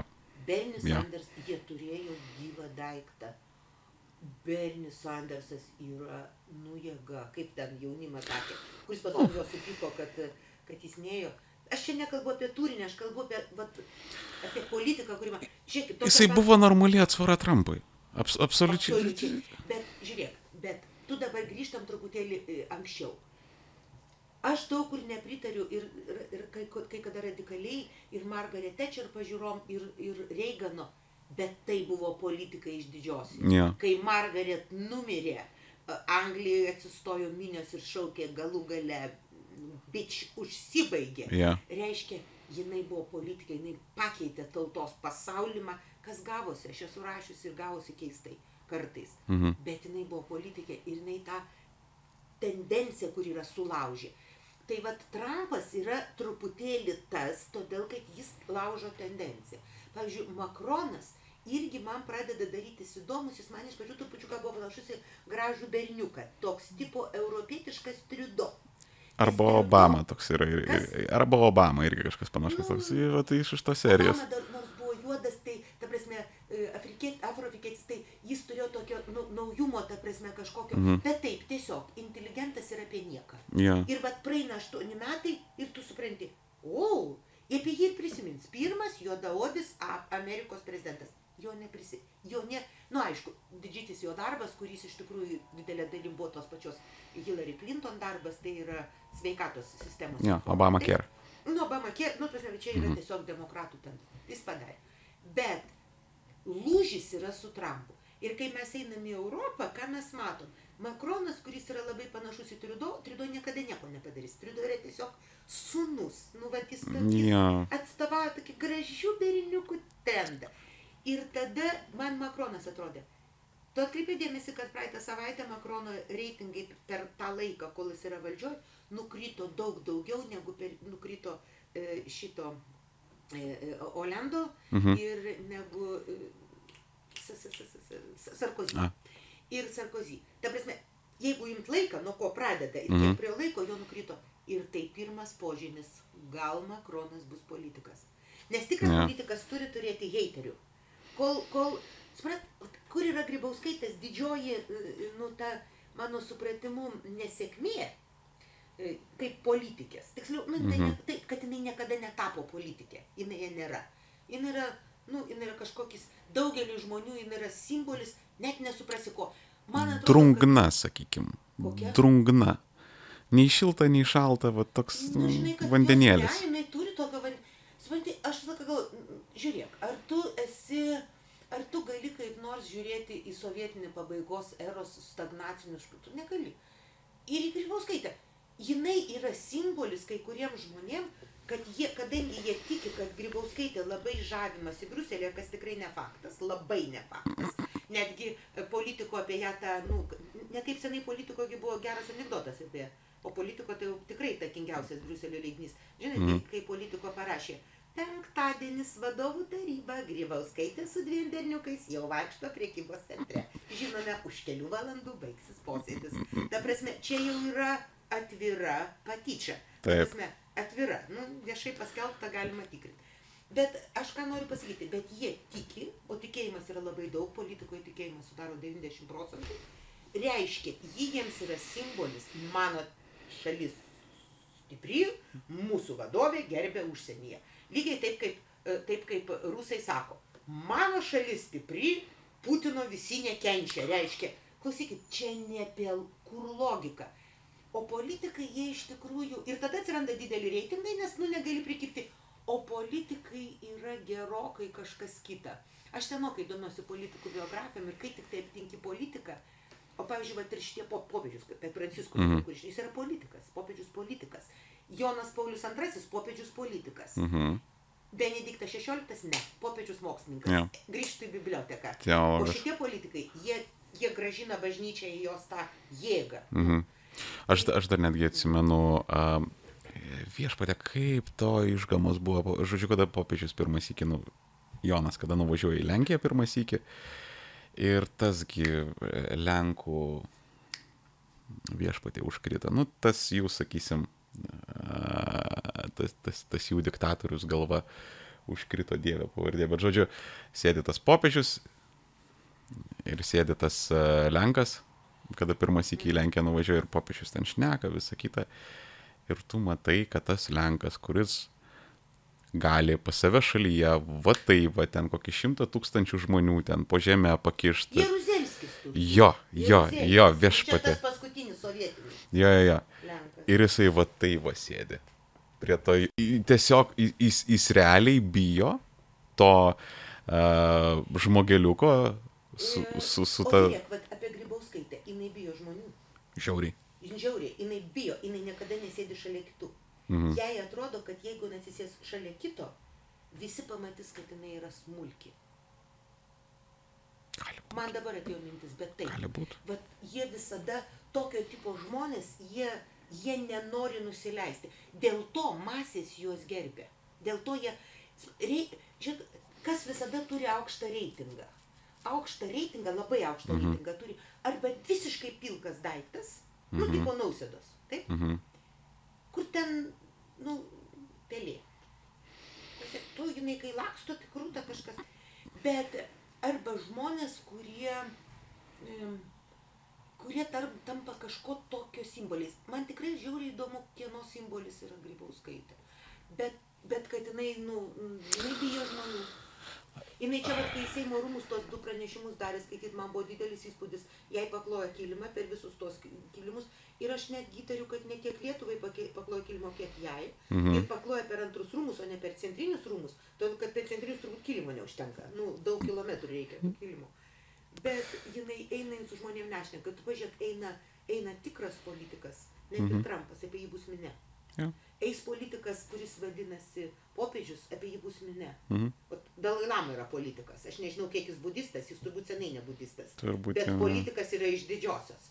Visas pasaulis jau nežinau, kiek 40, oi, 60 metų svarsto, kaip gražinti Tibetą. Ir diplomatas tai čia toks, kur ten...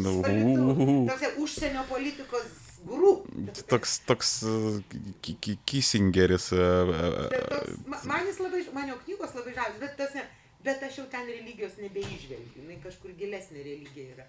Tai, bet iš tikrųjų, mūsų grybauskaitė taip tiesiog.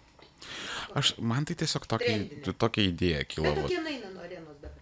Oi, absoliučiai, bet, bet jūs sėki sakėt, vad ką tik sakėt, kad uh, vadinasi, kai sakysim, yra ta grybauskaitė, vadinasi, yra noras pats žmonės, kad ten visi Lietuvą laikytų ten didžią šalim, ten gerbtų, ten bla bla bla, ten žinotų. Va, va, galbūt tu gerai suformulavai. Be- Jinai jiems simbolis to, kad Lietuva yra didelė šalis.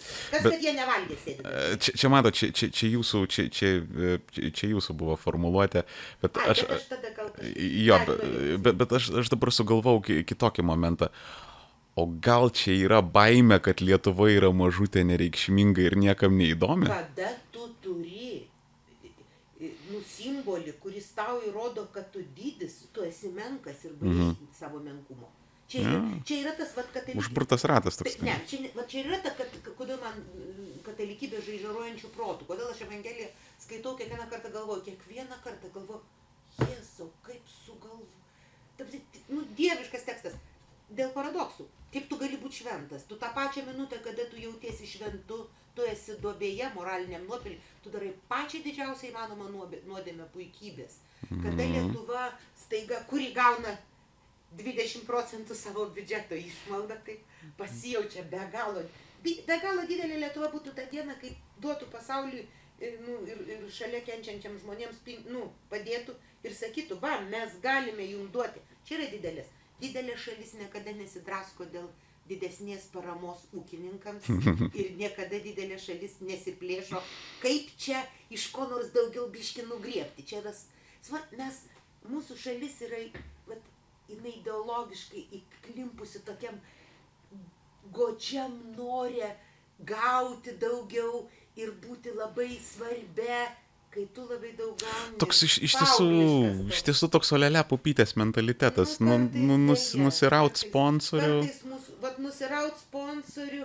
Tiesa, po to tam sponsoriui kiša koją, pa- pavyzdžiui, dabar pradedam draugauti su Kinija. Jo. Sponsorius nu, visur, visom, visa vakarų spauda apie tai kalba. Net Lenkai apie tai kalba, nu, man padėjo žmonės, kurie moka gaila, dėja, baisiai gaila. Tikrai, vat, vienas, jeigu manęs paklaustų, koks mano didesnis trūkumas, kaip galimo, nu, kaip negalimo, bet esamo kandidato į prezidentus, tai šlenkiškai nemoku. Mes vis dėlto esame šalis, kurios vadovai turėtų. Čia, čia grybauskaitės didelis yra pliusas, mokėti mm. lenkiškai. Vedantų, nu, aš dėja nemoku. Bet man vat, žmonės padėjo ten ieškoti tų straipsnių apie tą Ki- Lenkijos, Kinijos tą 16 plus 1 tą diskursą. Mm. Tai visur kalba, mes nieko. Aš yeah. parašau šapokai. Kas jums mandatavo, kas jums suteikė teisę Vilnių paskelbti Kinijos finansiniu centru, kai mes nu, turim problemą. JAV, Kinijos konfliktai, tai Mhm. vienas, Amerika mums reikalinga kaip mm, skėtis NATO, nu tikrai reikalinga, mums tikrai reikia daryti viską, ieškoti būdo, kuo būti mm, Amerikai įdomiems, taip, Junktinėm Amerikos valstybių. Jie turi lik ir, nu, ko- ko- ket, tos, ke- keturi tie dramblien, kurių dabar centrai - JAV, Europa, Kinija, Rusija.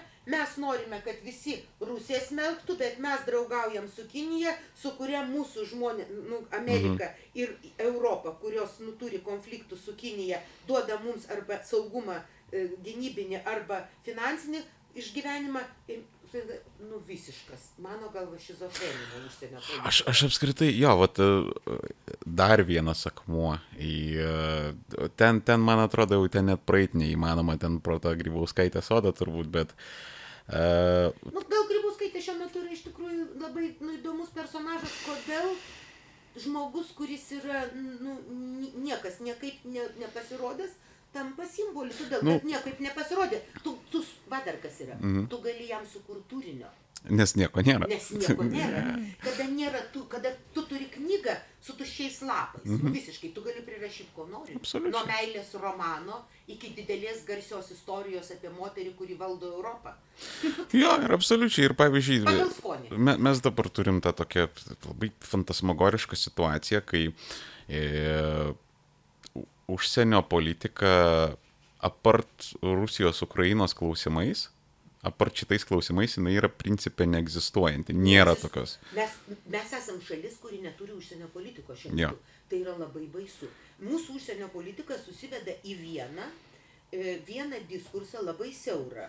Kenti ar nekenti Rusijos. Jo. Čia ne užsienio politika, čia vaikų žaidimas smėlio dėžiai. Taip. Nes, pavyzdžiui, aš dabar, nu, tiesa, domiuosi, nu, ką, ką, nu, sako, aš tiesa, auto, nesu girdėjusi pati, nu, pono Ušatsko, nu, kokioje nors diskusijoje nesu girdėjusi, įdomu man tiesiog bus labai išgirsti, kada nors netgi televizijoje, aš, nes, pavyzdžiui, čia tokį pasikalbėjimą prie tvenkinio, tokį šlikščiai gražų padarė pažymytę, tai, nu, mano supratimu, tai irgi apgailėtina buvo, nes buvo neįdomu tiesiog. Aš vos, vos prisiverčiau iki galo datemti, nu, panašiai kaip e, Ogienė nausėdos pas Beatą. Nu, tada, Ne. čia ryšių su visuomenė, nu, triukai, kuriuos jiems liepia, bet, nu, aš nežinau, nu, perka bobulytės, bet tai koks turi būti žmogaus, nu, kaip tu save pigiai supranti, kad tu gali tai pigiai per...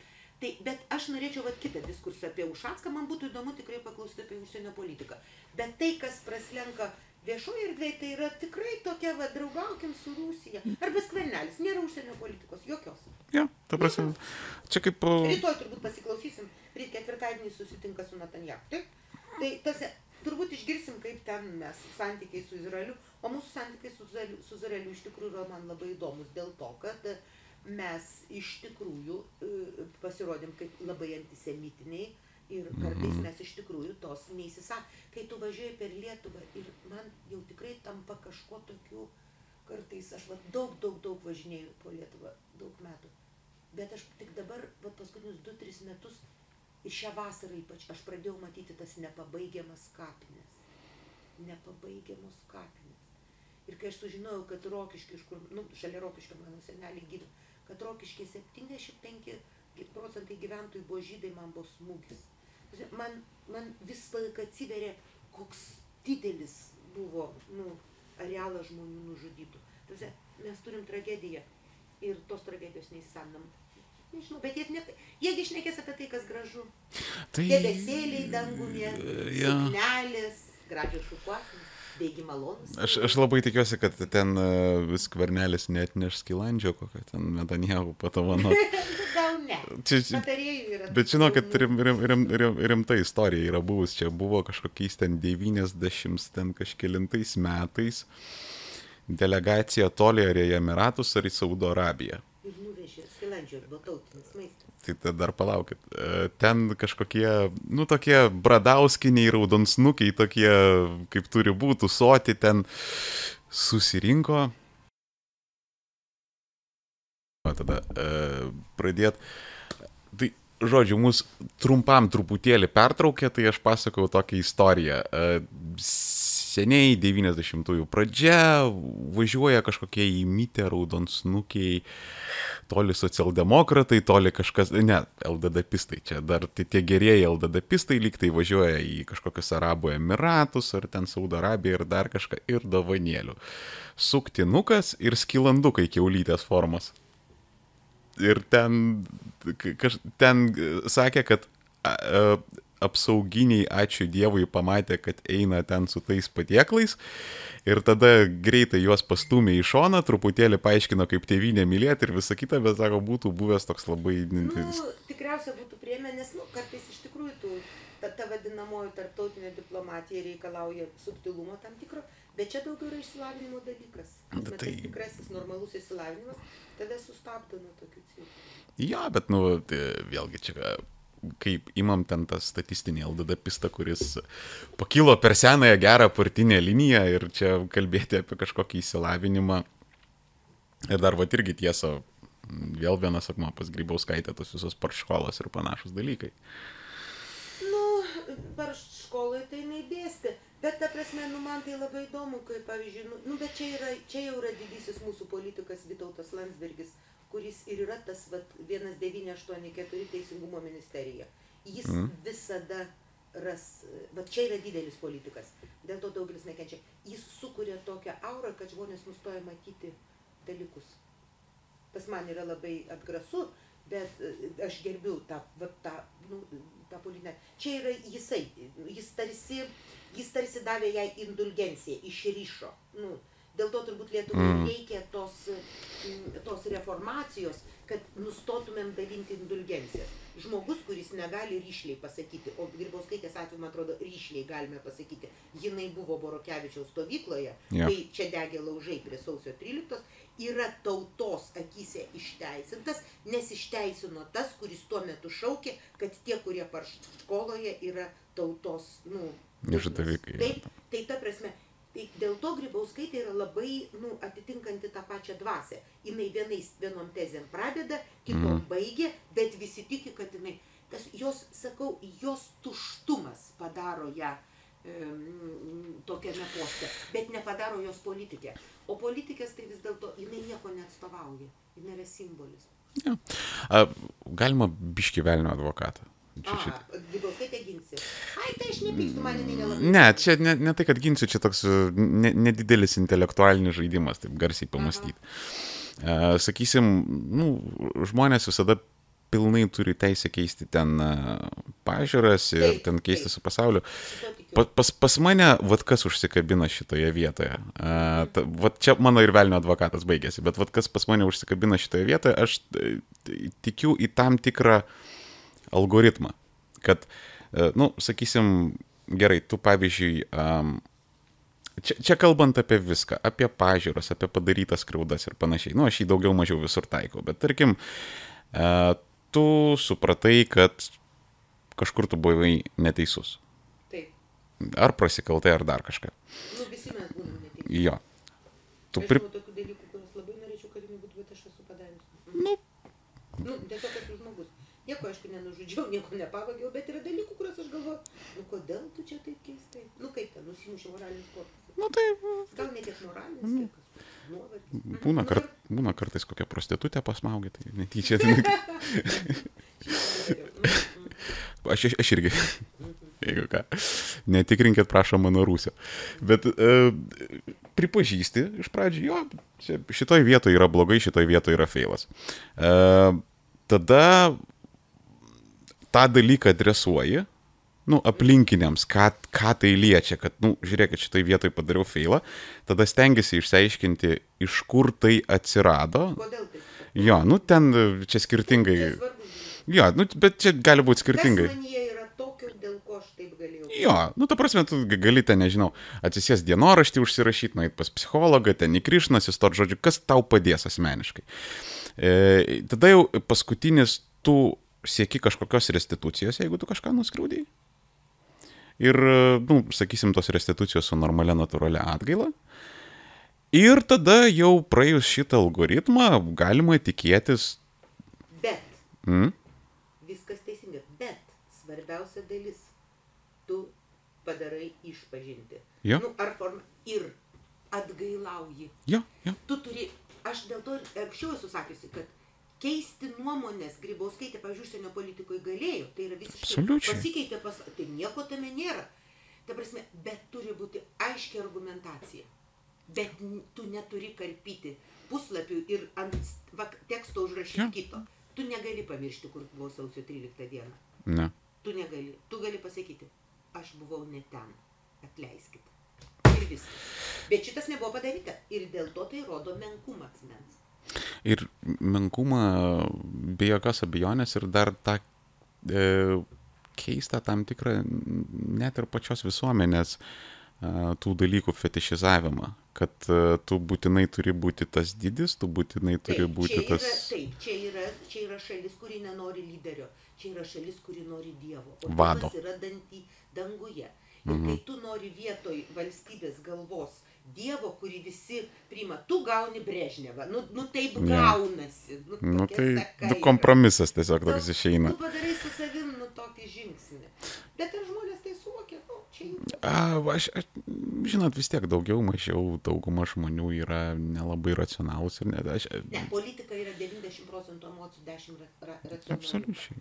Ta prasme, tie žmonės, kurie yra dideli politikai, paprastai vis dėlto yra labai išsilavinę, visi mhm. tiek aš, vat, kurie man padėjo, jie labai išsilavinę, jie, jie geba atpažinti dalykus, taip, jie geba transformuotis, veikti, jie geba būti įvairiai, įvairūs, dar kažkokie, bet jie turi išsilavinimą bet jie vis dėlto nesiekia būti didis. Jie nesiekia būti dievais. Mm. Jie siekia būti politikais. Ta prasme, tai yra visai kitas dalykas. Jie neša savo tautą idėją, bet jie nenori užsidaryti į narvą ir kad jiems šaukto sana. Mm. Nes, pavyzdžiui, kai aš matau grybauskaitę, aš matau žmogų, kuris tiesiog bijo net apsirengti. Mm -hmm. Net, net, net sufeilinti rubelį jinai bijo. Ką toks žmogus gali iš vis padaryti? Jinai bijo savęs. Aš nežinau, turbūt iš ryto, kai žiūri veidrodžiai, jinai, jinai bijo. Todėl, kad bai, baisu yra ta istorija, aš nežinau, nu, neturiu jokios priežasties netikėti, kai Valinskas pasakojo, kad jis sukrėtė Grybauskaitę, kai prie stalo ją, tik tai dar tada elektridę, nu išrinktą, mm -hmm. pasodino prie stalo ir, ir jinai pasakė, aš prie šito kampo nesėdėsiu, tu užmė kitą vietą, nes iš to kampo mano, nu, kumpiai negražiai atrodo. Nu, kažkaip čia nesenai. Nu, -hmm. Valinskas, ga, Valinskas, mano supratimu, nelabai taktiškai turėtų, turėtų, neturėtų to sakyti, nes tai buvo pasakyta jam ir ne, ne viešai. Taip, nu, bet jau yra kas jau pasakyta. Tai, tai ta prasme, čia yra toks truputį baimės. Tai vad man tie rūbai užkonservuoti. Tas konservuota šukuosena turbūt jau 30 metų. Mhm. Labai graži nu, buvo prieš 30 metų, betgi keičiasi žmonės. Ir, ko, konservuotas lyderis. Bet vat konservuotas lyderis daugeliu žmonių yra nu, įdėvinamas, jis turinio neturi. O būtų pasidėtų būti politikė, pradėtų, žinai, tik vieną kartą jinai parodė savo politikės veidą, kad jinai intri, politikė intrigantė, rašinėjo laiškus tulpės pavadinimu. Ir staiga atgyjo. Tada mm -hmm. tiesa, tai buvo tos kelios dienos, kai jinai man pasidarė įdomi. -hmm. Žiūrėk, grybauskaitė kažką veikia. Tiesa, nu, mane svarstymų lygis nubiški nuvylė. Nu, bet ta prasme, nu, šiaip įdomu. Nu, mane, mane šiaip to, to istorija absoliučiai užmušė, kai uh, išeina Grybauskaitė ir pasako absoliučią nesąmonę, kad mes laiškų neišsaugojame. Ai ne, čia yra gėda, čia paprasčiausiai gėda, nes jie tiesiog išsisaugo. Ir, ir tiesiog pratilėjo, nes, uh, nu, gerai, pafantazuokim, jeigu jų neišsaugojo, tai uh, vadinasi bardakas vyksta kanceliarijoje. Tai, tai ar, arba čia bardakas, arba jie buvo išsaugoti ir pakavoti kažkur, arba jie buvo tikslingai ištrinti, bet kuriuo atveju tokius klausimus reikia uždavinėti, nes, nu... Ne, ne, čia, čia visiškai sutinku, čia, čia buvo tiesiog gėdinga. Ir žinai, kas buvo gėdinga? Mm. Kad neatsirado kompiuterinių sistemų analitikų, kurie puikiai žino, kurie aiškiai mm. pasakė, galai nesueina. Aš, aš mačiau kažką lietrityje, bet, nu... Kažkas buvo bandymas. Ta, tas pats, kas nieko ten realiai. Nes ir čia net analitikų, ten jokių nereikia, čia žinot, kaip būna, a, kada žmona pas dėdą laptopę randa ten porno visokį ir čia virusas. Buvo, čia tas... Aš tos vaikučius atsisinčiau tik tada. Tiesiog kažkaip bam. Tiesiog, nu, vat gyvenu niekada netyčia nesu pataikius ant tų puslapių. Aš labai daug kartų netyčia. Mano kompiuteriai jie turbūt kažkaip. Ne, aš, aš, aš, aš tiesiog, aš, aš tiesiog landžiu po tokias interneto vietas, kur ten... Kur visko pasitaiko. Jo, ten kartais yra tokių dalykų, kurių net matysi gyvenime. Jo, jo, dar knetas, visą kitą, žinokit, yra... yra, yra... Kažkaip žmonės jį eina aš kartais turiu problemų į savo laiškus įeiti, koks dar man ten... Darknetas. Darknetas. Man mano laiškai pasimeta. Po to mano padėjėjai laksto ir ieško, kaip man reikia ne į jos feis. Jie dabar visi turi atsaiginius kodukus, kad aš nepaniščiau. Bet, o dabar, bet, žiūrėkit, bet, toks man įdomus klausimas. Ir čia gal pabandysim pabaigti šito klausimu. Žiauriai plačiai išeis. Bet, bet jūs kaip politikė, ne? E, politikai vis tiek jų darbas yra kažkuria tai dalim, e, sakysim, surėdyti tam tikros visuomenės ten tvarką, ten algoritmus veiklos, ten dar kažką, surėdyti, prižiūrėti, ten taip toliau. Ir dabar mes esam tokioj labai įdomios technologinės revoliucijos priešaušryje. Mm, gal jau esame netgi priengyje. Jo, ir va, toks, um, tas pats darknetas, taip, žmonės ten perka narkotikus, ginklus ir įsivaizduokit, ten yra uh, kaip įbėjus, ne? Vat, įbėjus. Aš techniškai įsivaizduoju, man pasakoja visokie protingi. Jo, ir ten. Žinau. Ten su pardavėjų reitingais viskas eina, ten gera hierka buvo, penki balai, ten, vat, nu, vat tiesiog, vat. Įvertino Jo, jo, jo. buvo skandalas kažkoks didelis Anglijoje, kai numirė keletą kartų, pasirodė tiesiog visi pradėjo pirkti, o prieš tai buvo pirkę pas prastus. Mhm. Čia netgi rašė Britų spaudoje. Gal... Tada nusipirko gerus ir mirė žmonės, dėl kad jie prieš tai gaudavo silpną, po Mhm. skiesti jiems, jie nebuvo pratę. A, ir per didelę dozę. Nu, tarkim. A, Bet čia aš ti- tiesiog sakau, pasakoju daugiau kaip, man, man panašiai tai yra taip kaip, nu, kokie nors žvaigždžių karai, Mm. Tolkieno kelionės, ten, žinai, kokios man arba Hario Poterio įvykiai. Aš, aš, aš galiu papasakoti tokią labai trumpą anegdotinę istoriją. Tai pačiai Britanijai vienas žmogus darknete pardavinėjo LSD.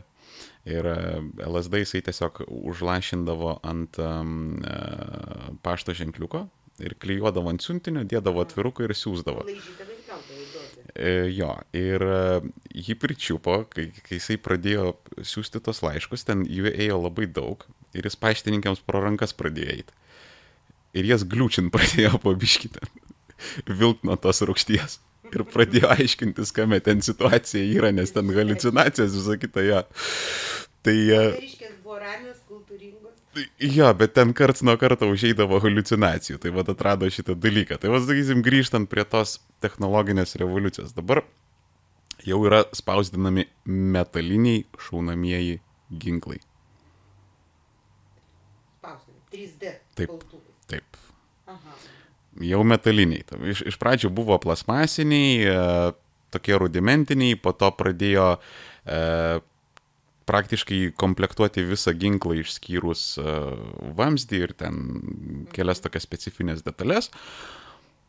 Nu, sakysim, 95 procentai ginklo buvo atspausdinta, dabar jau beveik yra 100 procentų ir jie yra metaliniai, po to yra galimybė laisvai juos ir spausdinti, ir em, frazuoti. Nu, tai yra atvirkštinis procesas, turi bloką ir išėmė, ką tenais nereikia ir tau gaunasi ginklas.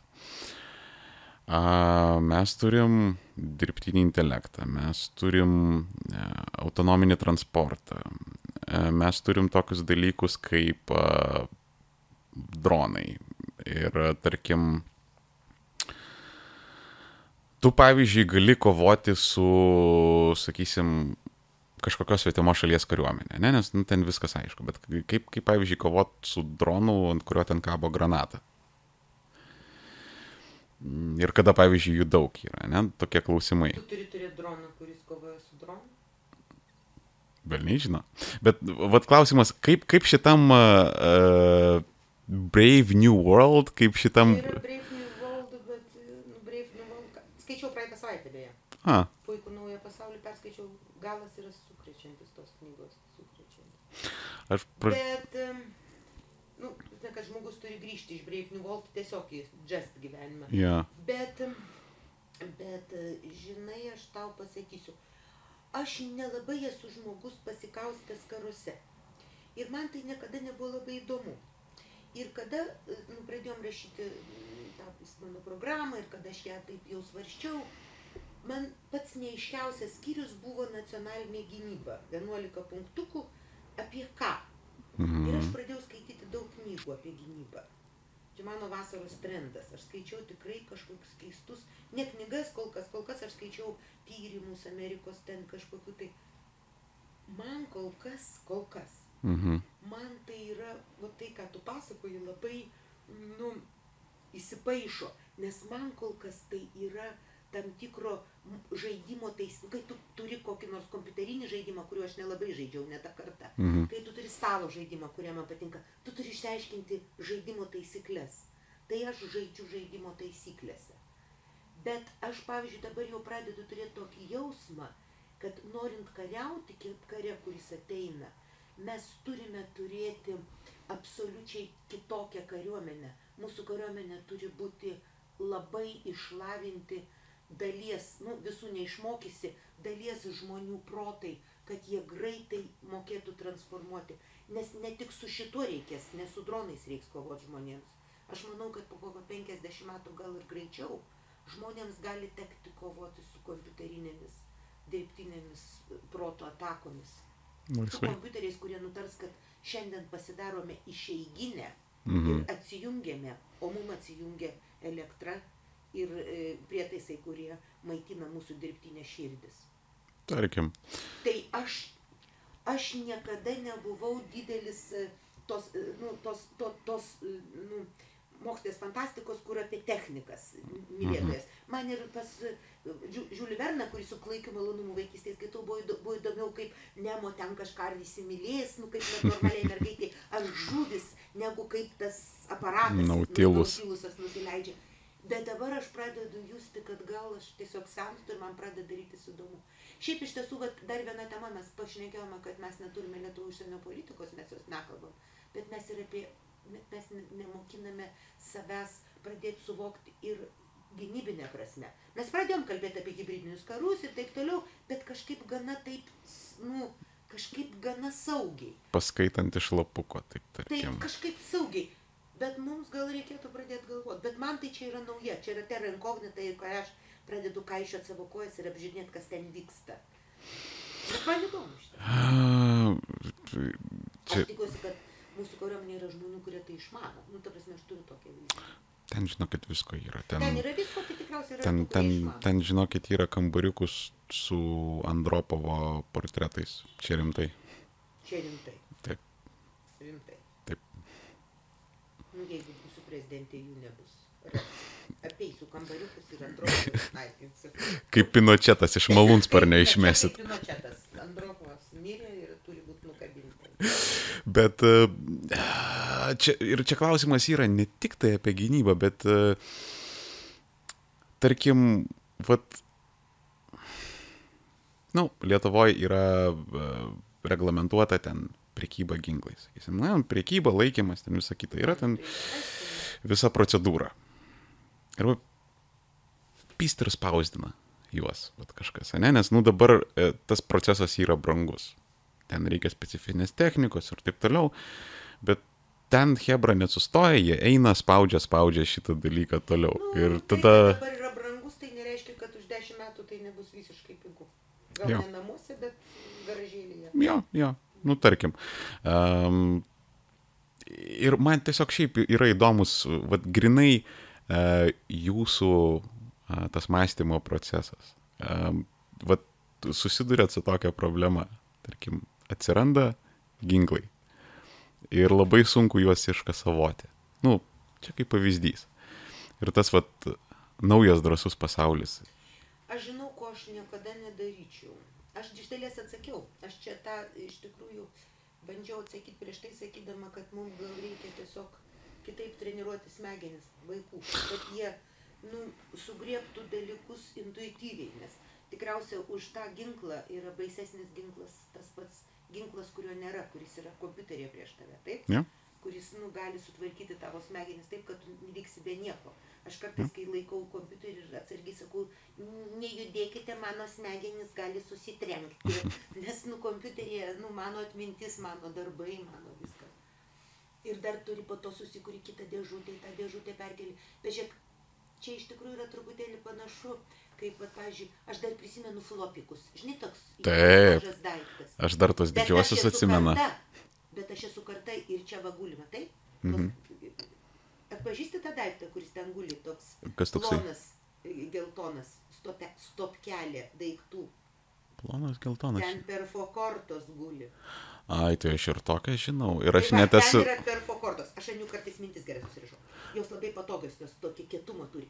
Aš esu dar tas žmogus, kuris mokėsi programuoti, su skilu, darydamas su perforatoriumi skilutes. Mhm. Mhm. Mokyklai mokėausi programavimo.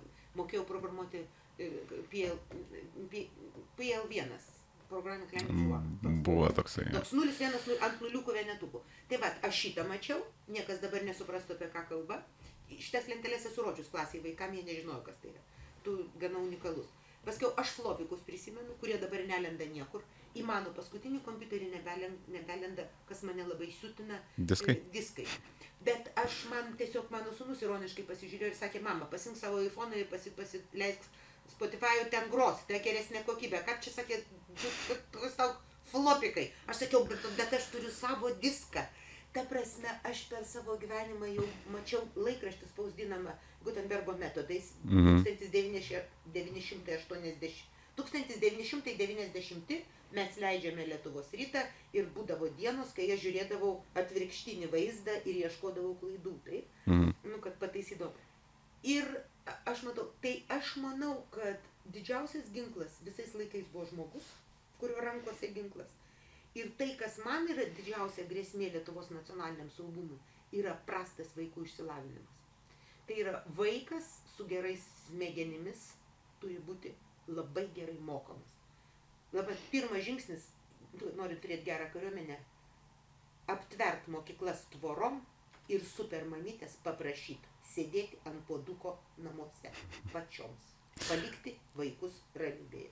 Taip kad iš tikrųjų geri matematikos mokytojai, kurie nyksta, taip, ir visa kita yra labai daug, yra geriausias ginklas. Aš... Va tie žmonės sugalvos. Aš tiesiog tikiu žmonėmis. Aš tai dar sakyčiau, kad čia ne, ne tik išsilavinimas, bet apskritai geras auklėjimas. Nu, čia, Čia, čia, čia, čia jo, koja nėra kojan. Gero, nėra gero auklėjimo be s- suvokimo skirtumo tarp etiketo ir etikos. Jo, Aš būtent. labai dažnai pasiklausau, kai puola manęs ir taip visą laiką galvoju, sako, nu va, jinai nekultūringai, jinai rėkia. Prie manęs močiučių ir senukų privargusių nespardys. Ir jokios bus etikos prieis maldeikienė ir rėks, ir jeigu rėks įspirs, dar nesubandžiusi, bet nespardysit kenčiančių žmonių. Va tai čia faktas. Man etika tūkstantį kartų įdomesnė ir svarbesnė už etiketą. Etiketą sakytų tyliai praeiti. Tai vad kol visuomenė tiki etiketu, mes Mhm. neturime rimtos valstybės. Čia vat, vat ir yra tame problema, kad ypatingai tiesiog... E, Kristus beje, žinok, aš skaičiau specialiai vieną kartą e, Evangeliją su kampu tokiu. Skaičiavau, kiek kartų Kristus yra piktas ir kiek, Mhm. mhm. kiek kartų toks švelnutis. Jūs mane dabar tu- turbūt e, tai labai suderksit, nes aš nelabai gerai atsimenu tą frazę, bet jisai berot sakė, kad aš atėjau jūsų kiršinti kažkas tokio. Yra, yra. Ne, Tai- ne, tai ne jisai toks- Aš atnešiau jums, aš atėjau, nu, n- ne žodis kiršininkės, bet nesakau. Trys ketvirčiai jis yra piktas, Jo. ir barasi ir vien, arba taip, sako, eik iš čia, pasitrauk. Mhm. Man, man pavyzdžiui, labai yra įdomu, įdomi, įdomu, ką Kristus iš tikrųjų nori pasakyti keletą kartų, man turbūt pati keiščiausia vieta. Vat mirdama norėčiau turėti viziją, ką, jis nori pasakyti toje vietoje. Kai jisai keletą kartų atgaivi, paralitikus išgelbėja, nu, pastato, Mhm. jis praktiškai visada sako, eik ir niekam nesakyk. Kodėl? Visi gim, ką nesakyk. Tai matosi, nu, jeigu tu turėjai paralitiką, jis gulėjo, taip, ir jisai vaikšto, reiškia jau pasakyta, taip, Mhm. nu, tu vaikštai. Tarsi visi supranta, kad stebuklas buvo, eik ir niekam nesakyk. Ką jis nori to pasakyti, bet jis, tai net čia jis ir piktai sako, eik ir niekam nesakyk. Tai trys ketvirčiai yra piktas, viena ketvirtį švelnutis. Bet visada ironiškas. Tas irgi tiesa. Labai retais atvejais. Netgi kaip jis mamai savo sako, moterie, tu čia žinok savo vietą. Čia aš dabar gaminu vynus ir visokias kitokias išmintis kelbiu bažnyčiose. Mhm. Tai toks, nu, nu toks, ne. Aš džiaugiuosi savo tikėjimu ir aš labai tikiuosi, kad aš niekada nebūsiu grybauskaitė. Taip ir numirsiu ne grybauskaitė. O visai kitoks žmogus. O, tai ne, aš nežinau. Nors mes turime vieną bendrą bruožą. Mes abi baigiam politinę ekonomiją. A, Jo. Aš stebiuosi, kaip jinai, kaip jinai mažai išmoko iš to, kas buvo taip tylu. Aha, žinot, e, čia tas išsilavinimas, kaip čia dabar pasakyti, kartais vat, būna per televizorių pamatai ten žmogų su ten raidėm DR. Nu, kartais taip, aš atsiprašau, bet būna. Ir, ir, ir taip gal- galvoju, palatų. Beje, Grybauskaitės disertacija gana nebloga, aš ją skaičiau. Vienu metu jinai čia buvo mėtoma e, šitose e, internetuose, aš ją perskaičiau, mano supratimu tikrai, tikrai labai nebloga. Aš, aš nemanau, kad uh, čia daugam gali pasirodyti, kad grybauskaitę mes ten sėdim ir demonizuojam ir visa kita. Aš nedemonizuoju, aš, man jinai nėra labai įdomi, demonizuoju daiktus, Vat Būtent, aš, aš nemanau, kad jinai yra labai kvaila, labai neišsilavinus ar kažkas. Aš, aš tikrai... Ne, Ne, ta prasme, tik, jinai neįdomi. tai, jo, tik, tai, tai tikrai nėra ten koksai viešpatė padėk Algirdas Butkevičius, kaip tarkim. Ten, ten, Trendas yra. Žiūrėk, mes ne tiek apie ją šnekėjom, mes galbūt šnekėjom apie... Kitas dalykas, kai tu šitą- ką nors analizuoji, tu labiausiai kalbė apie save, taip, ko tu bijai. Ne. Aš tikrai, nuoširdžiai sakau, aš žiauriai bijau pasidaryti grybauskaitę, bet aš manau, kad Dievas man niekada neleis pasidaryti žmogumi, kuris bijo žmonių ir kuris bijo savęs ir kuris bijo rizikuoti ir žmogų, kuris nu, pasiklausia tautos, ar man kandidatuoti ir kandidatuoti tik tada, kada jau jai patvirtina, kad jau viskas bus gerai. Tai va tas man yra nesuprantama, bet žmonės įvairiai vertina. Tai žmonės turi teisę ir tai yra puiku. Man žiauriai patinka, kad aš gyvenu laisvoje šalyje, kur aš galiu pasakyti, ką aš galvoju, net jeigu kiti šito nesako. Ja. Ir čia, čia yra tas labai puikus dalykas, bet tiesiog grįžtant prie grybauskaitės, nu, mano galva, kokia nors Seimo pirmininkė iš jos va tokia va išeitų. Ledinė ten Nu, susitvarkyti. Seimo, ne, aš žinok nesutikčiau. Seimo pirmininko pareigybė pas mus labai nuvertinta, todėl kad jinai Seimo pirmininkas mus pas mus paverstas pa- prastu vidurinės mokyklos auklėtojų. Mhm. Seimo pirmininko vat, darbas, kurį nedrįščiau imtis, nes nu, man turbūt būtų per sudėtinga. Bet, bet įdomu, jis yra spikeris. Jo Jo. darbas padaryti žai- žaidimo taisyklės ir jas prižiūrėti, kad visi galėtų. Tai turi būti žmogus, kuri turi absoliutų vidinį kamertoną, nu va tą absoliučią klausą argumentų pateikimo kokybei. Mhm. Jis neturi domėtis, ką kiti šneka, netgi Seimo salė. Jis turi domėtis, kad visi vienodai lygiai turėtų galimybę šnekėti. Nu, Ja. prasme, Jis turi padaryti Seimą funkcionuojantį. Kol Seime, atsiprašant, nu, jo tulės, tai blogai. Mhm. Nu, mes vėlgi šnekam apie tai, kas turėtų būti, bet dažniausiai e, Seimo pirmininkas. Jinai gal ministrė pirmininkė, nors ne, ne, nors jinai, man atrodo, ne, jinai, žinok, aš, aš vis tiesą pasakius abejoju. Fin, finansų ministrė buvo neįdomi ir neįdomi. Mhm. Gražino tos pinigėlius, paskui aiškino, kad taip reikia, e, visą laiką būdavo pikta. Nežinau, man, man tai, a, aš nežinau, nu, jeigu to- patinka, daryk jas. Po to patepė slidės į Briukselį, o po to iš ten slidės kiek- atgal. kiek Suprantu, jinai buvo tiesiog išsiusta, nes truputėlį panašiai kaip ir Andriukaitis. Nu, ten iš komandiruotę. Atsirado Iš, nu, kadangi, bet aš ne, nežinau žodžiu, man. Jo, bet. Ne, ne. Ne, tamsi, aš tiesiog vertinu ją šiuo atveju to, ko jinai šiuo metu yra, o jinai šiuo metu yra Brežnevas lietuviškas. Jo, bet. Ir e, tai yra labai graudu, kodėl mes taip kažkaip Kas dar- pakliūvam į tos pinklės. Va čia įdomus klausimas, kodėl mes pakliūvam į pinklės. Iš, aš labai pirmą kartą, kai 2009 metais, labai kolegas matematikos fakultete agitavau užgirdė. Mes visi klausė, tu ją esi mačius, kaip tu vertini, aš visiems pasakojau, kaip čia viskas gerai. Po kokių Mhm. pusantrų metų jo visi ir sakė aušra. Čekas Nu, įrodė man, nu tu ką? empiriškai. Visi, nu, nu, visi suprato, kad nu, aš sakiau, aš atsiprašau. Nu ką, aš tikrai tikėjau. Tai visi mes tikėjom, bet aš, aš, aš irgi, da- da- daugiau mažiau man irgi kažkur va taip po metų, pusantrų, taip, okei. Okay. Panašiai po pusantrų metų. Darytis daug Nes tada jos transformacija prasidėjo iš rytų į vakarus, kažkaip va, ta, va tokia... Tai gerai, kad jinai iš rytų, iš rytų į vakarus nuėjo, bet labai gerai, bet kad jinai niekur nenuėjo, kad jinai nuėjo reitingų gaudimą. Jinai Mhm. tokia, man kartais įspūdis, kad gyvena žmogus užsimūrėjęs bokšte, apsirengęs tris sluoksnius rūbų, ant e, didelio ilgo frenčio dar ir kelnes, kad nebūtų nelopinėlio odos ir, ir, ir stebi reitingus.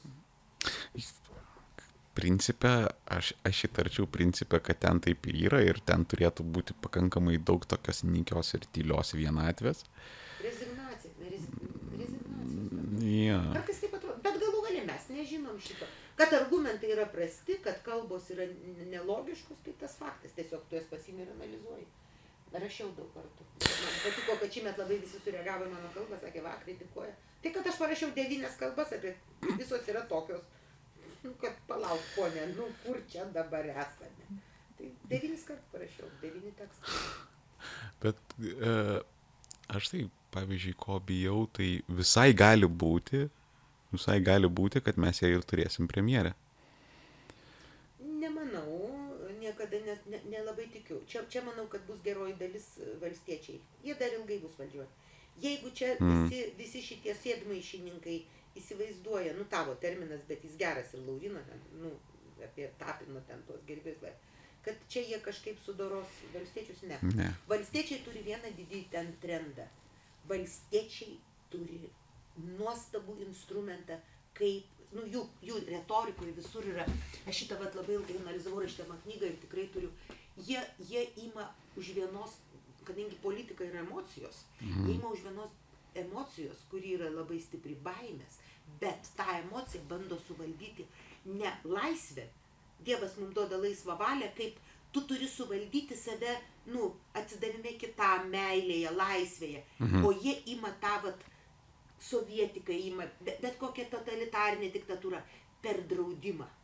Baimę suvaldai per draudimą neleidi žmogui gerti, neleidi žmogui mąstyti, mhm. atimi žmogaus teisę vertinti, netgi Dievą, netgi melstis tu nurodai. Šunims uždraudi lot. Ką taip? Šunims uždraudi lot. Šu, šunims uždraudi lot gretimoj laiptiniai. Čia aš pritariu, todėl kad man nepatinka. Pas mane meluoja, bet man nepatiktų, jeigu gretimoj laiptiniai lotų. Tarsi gyvuliukas turi gyventi ten, kuris turi gyventi. Prie visos mano labai didelės meilės šuniukams. Bet, supranti, bet tai visada yra draudimas už mhm. nugaros. Sureguliuosime kainas vaistinėse. Tabi atimsime iš, pavyzdžiui, epilepsiją sergančių žmonių tos labai sudėtingus mišu, kokteilius vaistinius, padarysim primityvų ir pasak, ir psichiatras, meluodamas į akis žiūrėdamas verygą, jis mhm. tiesiog meluoja, eiti sako. Niekas, nieko nesiskiria šitie vaistai nuo tų. Skiriasi dažnai. Priešingom priem, nu, priemaišos gali būti kitos, ką bet kuris gydytojas žino. Tai vad melu, demagogija ir draudimais suvaldyti baimę, kuri kiekvieno gyvo žmogaus viduje visada stūksto. Mes tūkstančio dalykų bijome, mes bijome mirties, mes bijome būti vieni, mes bijome savęs dažniausiai, čia sunkiausias, didžiausia baimė savęs. Dar kažko, tai mes bijom tūkstantį dalykų, bet tu gali juos suvaldyti, pabandyti suvaldyti, nu, aš nenoriu pasakyti civilizuotai, bet giliai, giliai prasme, per religiją, per atsidavimą, nu, ar galų galia per netikėjimą, labai, labai skaidrų netikėjimą. Nu, yra tokių žmonių, aš esu, bet iki galo suvokiu, kad mano gyvenimas baigtinis. O tu gali suvaldyti per draudimus. Per pasakymą. Tai vad jie eina. Ir dėl to jie bus ilgai. Tai... Ir tarp kitko jie labiau trendė pasaulinėme. Nu, kas yra vat, didėjai, kurie dabar vėl gimsta politika. Mhm. Mes tiesiog paskutinius 40 metų užmušinėjom politiką. Jei nusibodo, jinai merkia kutes ir pradeda dairytis. Jo, ir dabar e, toks e, grįžimas vėl eina į puritonizmą. Ir... Ko, e, techniškai aš esu vienintelis politikas, kuris kol kas yra paskelbęs apie kandidatavimą mhm. prezidento rinkimuose, kuris yra politikas. Mhm. Nes visi kiti yra biurokratai viena ar kita forma. O paaiškinkit man vieną tokį dalyką. E, galimas būdas, kad e, žygis paviljonis balotiruosis. Ne? Nu, manau, galimas daiktas. Manau, Čia ko, kokiu būdu gaunasi, kokiu būdu gaunasi, kad uh, Maldeikienė yra leftistinė komuniaga, o žygis paviljonis, kuris kainas nori reguliuoti, yra konservatorių galimas uh, dešiniųjų galimas e, kandidatas į prezidentus. Jie jį kels, bet jis gal pats jais, nu, žmonės, kurie mane vadina leftistinė, po ten lerva, tai... Komuniaga. Komuniaga aš tokių nepažįstu, nu, tiesiog vargšai, jie gal skaityti nemoka, bet, nu, čia jų problema. Oi, žinokit, not, not, aš, aš, not my business. Aš, aš labai eklektiškose sluoksnėse sukuosi. Ne, tai taip, taip, bet čia, ne, nu, aš klausykite, žmonės labai įvairūs, dar kartoju, politika yra emocija, kvailių skaičius begalinis. Uh, Nu, aš nežinau, tai kokios problemos. Nu, tai bet, tai, kiek... va... bet čia jau yra neįdomu. Ta bet, prasme, bet, čia taip toli nuo... Čia panašiai, kaip pasakyti, Maldeikia nešoka baletą ir man... Bet suprantat, suprantat čia, čia yra ne tai, kad apie tą baletą, bet čia vėl... Čia apie emociją. Ne, ne, ne tai, kad apie emociją, bet vat, vėl... Uh, Vat netyčia man ta mintis atėjo ir, ir mes atsiriamėm į tą pačią sieną, vat, sakys mane, vat, Grybauskaitė neliečiama, taip? Liečiama, mes palėtėm ir pavoliojom ir nuo kalniuko nuleidom ir vėl pakėlėm. Jo, bet... Mes čia dirbam su tavim, tiesiog e, pas mus mažai žmonių, kurie yra laisvi. Jo, bet, nu, grinai. Kodėl, kodėl ilgai sėdės Karbauskis? Todėl, kad draudimais ir propaganda lengva, jo. lengva save suvaldyti. Nu, Tapinas pagiria e, Grybauskaitę ir įsivaizduoja, kad save suvaldė mhm. ir savęs nebebijo. Mhm. Bet, nu, pagal faktą čia yra pagrindinė iliuzija, kad... Čia yra iliuzija. Kad uh, kiekvieną kartą, ten, kiekvieną savo gyvenime mes esam ten padarę, ten kažką ten, ten persivalgę, ten um, prisigėrę, ten, nu, nežinau. Esu, bet ai gal paauglystėje vieną kokį kartą. Nu, mokyklos pabaigoje, mokyklos pabaigoje 11 klasės, ten 12 žmonės, aš tai 11. Nesvarbu, bet tiesiog yra buvusių tų situacijų, kada uh, tu kažką padarai blogai ir, pavyzdžiui, tu tai darai uh, ilgą laiką blogai. kažkaip blogai elgiesi, Nu, tarkim. Jo, ir e, labai dažnai tas instinktas kyla, kad, nu, va dabar aš susijimsiu. Va dabar ir čia yra pagrindinė iliuzija ir yra pagrindinė apgaulė, kad tu dar labiau įsisuki į tą ciklą, kad, nu, vat, vat, Bet- vat nu, bet- negali nesmauktų prostitučių. Ir... galiu pasakyti, kaip iš to ciklo išeinama.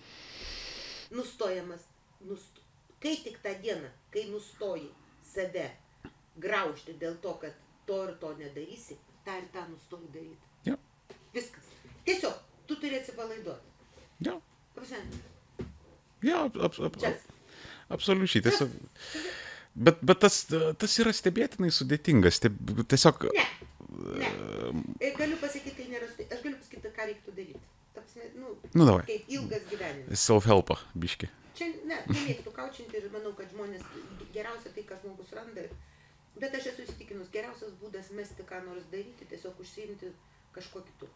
Tiesiog nekovoti su savo gerimu, pavyzdžiui, Mhm. o nutarti padėti kaiminėm babutėm vakarais gerti arbatą. Nu, tipo, nu padėti kam Mhm. nors. prasme, Arba padėti kam nors, arba užsimti piešimu ar dar ko nors. Tiesiog susirasti kitą daiktą. Jo. Bet ne todėl susirasti kitą daiktą, kad ano nedarytum, Mhm. o todėl susirasti kitą daiktą, kad tau tai yra...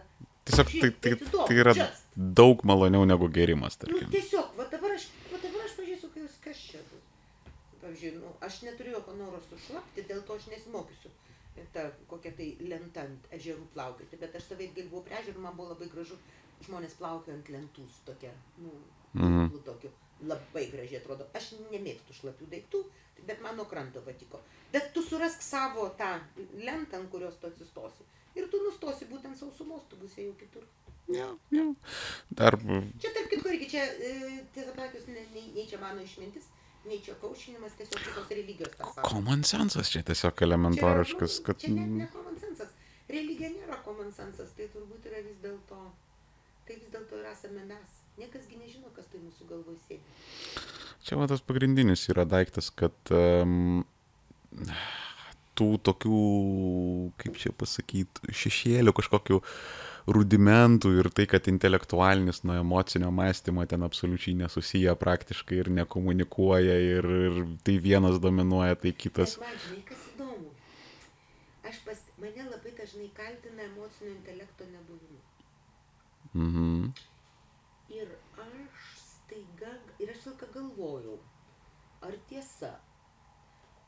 Vi- visai profesionaliai šito klausimus išnekėjus psichoterapeutais, sakė, kad e, taip yra ryški persvara racionalaus mąstymo, kad nu, nu, žiauriai racionaliai mąstanti galva. Va, turėtų, bet, ne, bet emocijos yra tvarkoj, tik tai persvara. Mhm. Bet tie žmonės, kurie mane kaltina emocinio intelekto stoka, jie paprastai mane kaltina, kad aš per daug emocionali.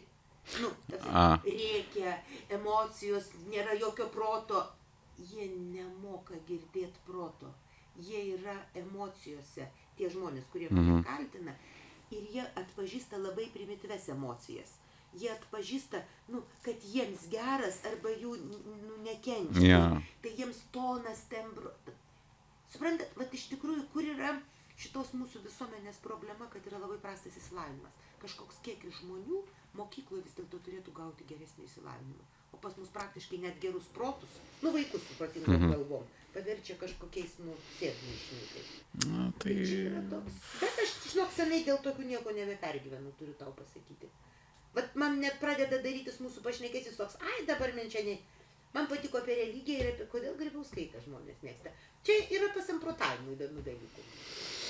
Šiaip iš tikrųjų, man labai buvo jokinga, ten pas Nida Vasiliauskaitė buvo toks debatai tokie sienai, nu, jinai ten iš viso kažkokių klėdesių prirašė, kad, pavyzdžiui, Maldeikienės tezės vertindama jinai parašė, kad e, Maldeikienė yra ir jos tikėjimas, ir jos viskas yra banalu. Bet politika ir religija yra banalios pagal apibrėžimą. Tai yra banaliausios žmonijos gyvenimo sritis. Jose yra, nu, va tas common sensas, jausmai, žmonių tikėjimai, nu, visokios iliuzijos ten, įsit, kvailiausi įsitikinimai, kad skiepai atneša autizmą ir psichinės Mhm. ligas, kad, nu, nežinau kas ten, kad žemė plokščia, taip, nu, Mhm. puikus judėjimas Nes tikrai, kai išeini lauką, nugi plokščia. Nu. Absoliučiai. Kokis ten man, kai pradeda pasakot, kad tu pažiūrėk į horizontą, kas tai aš matau, miškelis prasideda horizontas ir plokščiai toliau, plo... tik mano akis jau nustoja matyti, ašgi nematau daiktų toli. Tai, ta prasme, tai, mm, tai, tai yra banalūs dalykai. Bet e, kas įdomiausia tame te- tekste, ten buvo vienas žmogus. Man jos gailas, ją suspardys. Kodėl? Kuo daugiau manęs spardys, tuo man bus įdomiau. Aš tikiuosi, kad manęs spardys per rinkimus. Nu, pavyzdžiui, aišku, diskusija. Terapiška netgi yra. Esi, tai gal terapiška. Nu, pavyzdžiui, diskusija tema, tu esi leftistinė lerva, nu, kad idiotizmas, nu, neįdomu. Bet, vat, nu, kodėl, va, ten taip, kodėl, pavyzdžiui, vat, jūs manote, kad Turkija reiktų priimti Europos. Aš manau, kad nereikia priimti. Mm. Bet buvo komentaras, nu, kritika ten, mm, Laurinkos, pažiūrėk, kad ne, jis mano, kad Turkiją reikia priimti, nes uh, nuo Rusijos reikia atitraukti. Nu, klėdesys totalinis. Bet tada ieškoti argumentų labai įdomu. Na, tiesiog įdomu. Jo, ir e, aš šiaip kažkaip, aš labai nesekau Vasiliauskaitės, nes Ne, tai ne, ne, tiesiog, kad rašė, tai aš apie mane, tai man, man man, man tiesiog ir... ir aš nesaku, ne. jo. Jinai buvo vienu metu labai įdomi, dabar tokia, gal įdomi kam nors, bet... Kaž, kažkada, kažkada jo, kažkada seniai buvo labai įdomi, bet vat, mes su, su to... Su to nežinau, su, su, mes su to pačiu Laurinu kažkada juokavom, o kiek tu gali pastraipų į skliaustelius sutalpinti? Aš daug. Ja, tai ten Vasiliauskaitė, e, du žodžiu, jie yra sunku skaityti. Sun, ir, ir jinai kažkaip sugebėjo dabar į kažkokį altraitą pereiti. Taip, jinai dabar... Ten, kad- Va čia dar vienas atvejis. Jinai berną susirado.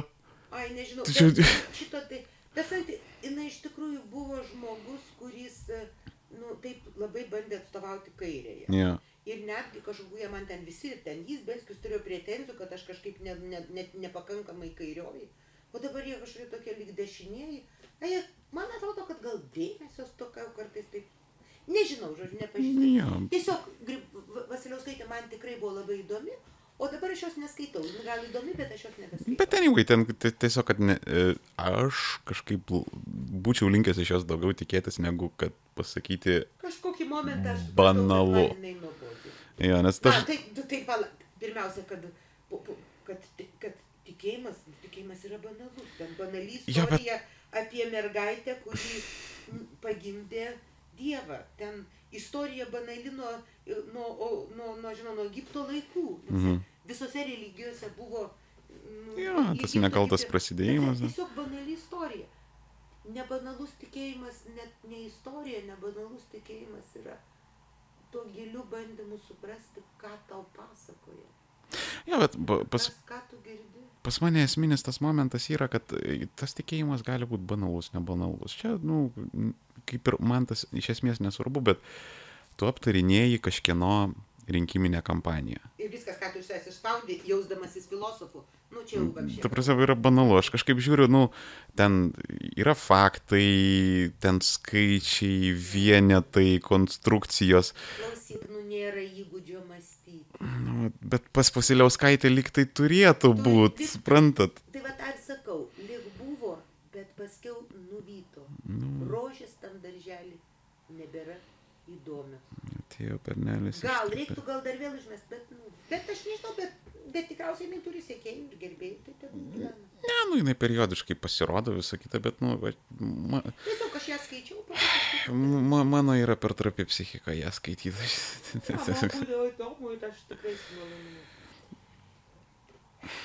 Nu, tai ką. eiti namo, bandyti kažkaip save gelbėti.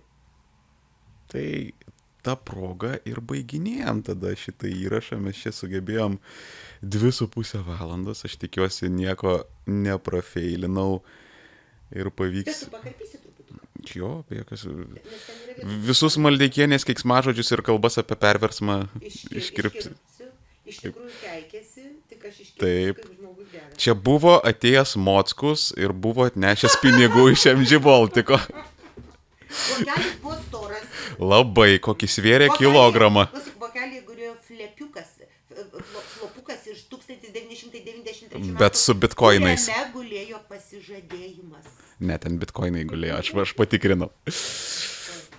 Man bitkoinai šiaip toks labai įdomus dalykas, bet neturiu gaila domėtis. Ai, tai čia nežinau, kad paprasta. eiti gelbėti savo raktas, atvažiuoju 16.55. Good. Tai tada mes baiginėjom savo, ką, baiginėjom savo epizodą ir aš tokią sugalvojau tradiciją. Tokią sugalvojau tradiciją, vienintelis epizodas, bet jau turiu tradiciją. Ir uh, išbandyti šitą momentą gal reikėtų. Uh.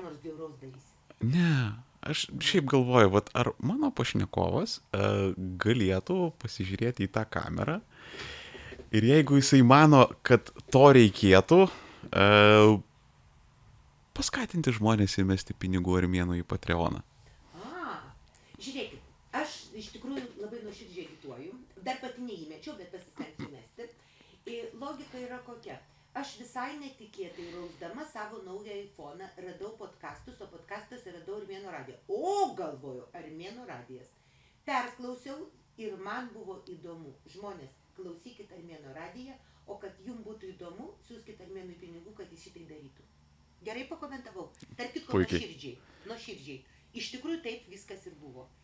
Tiesa, Armėnas man liepė čia pasisakyti, bet pasisakau savo norų. Taip, kad nuo moralinio kompaso nenukrentu agituodama už Armėną. Sumeskit ar mėno ant sprandinės. Nu. Sėkmės visiems.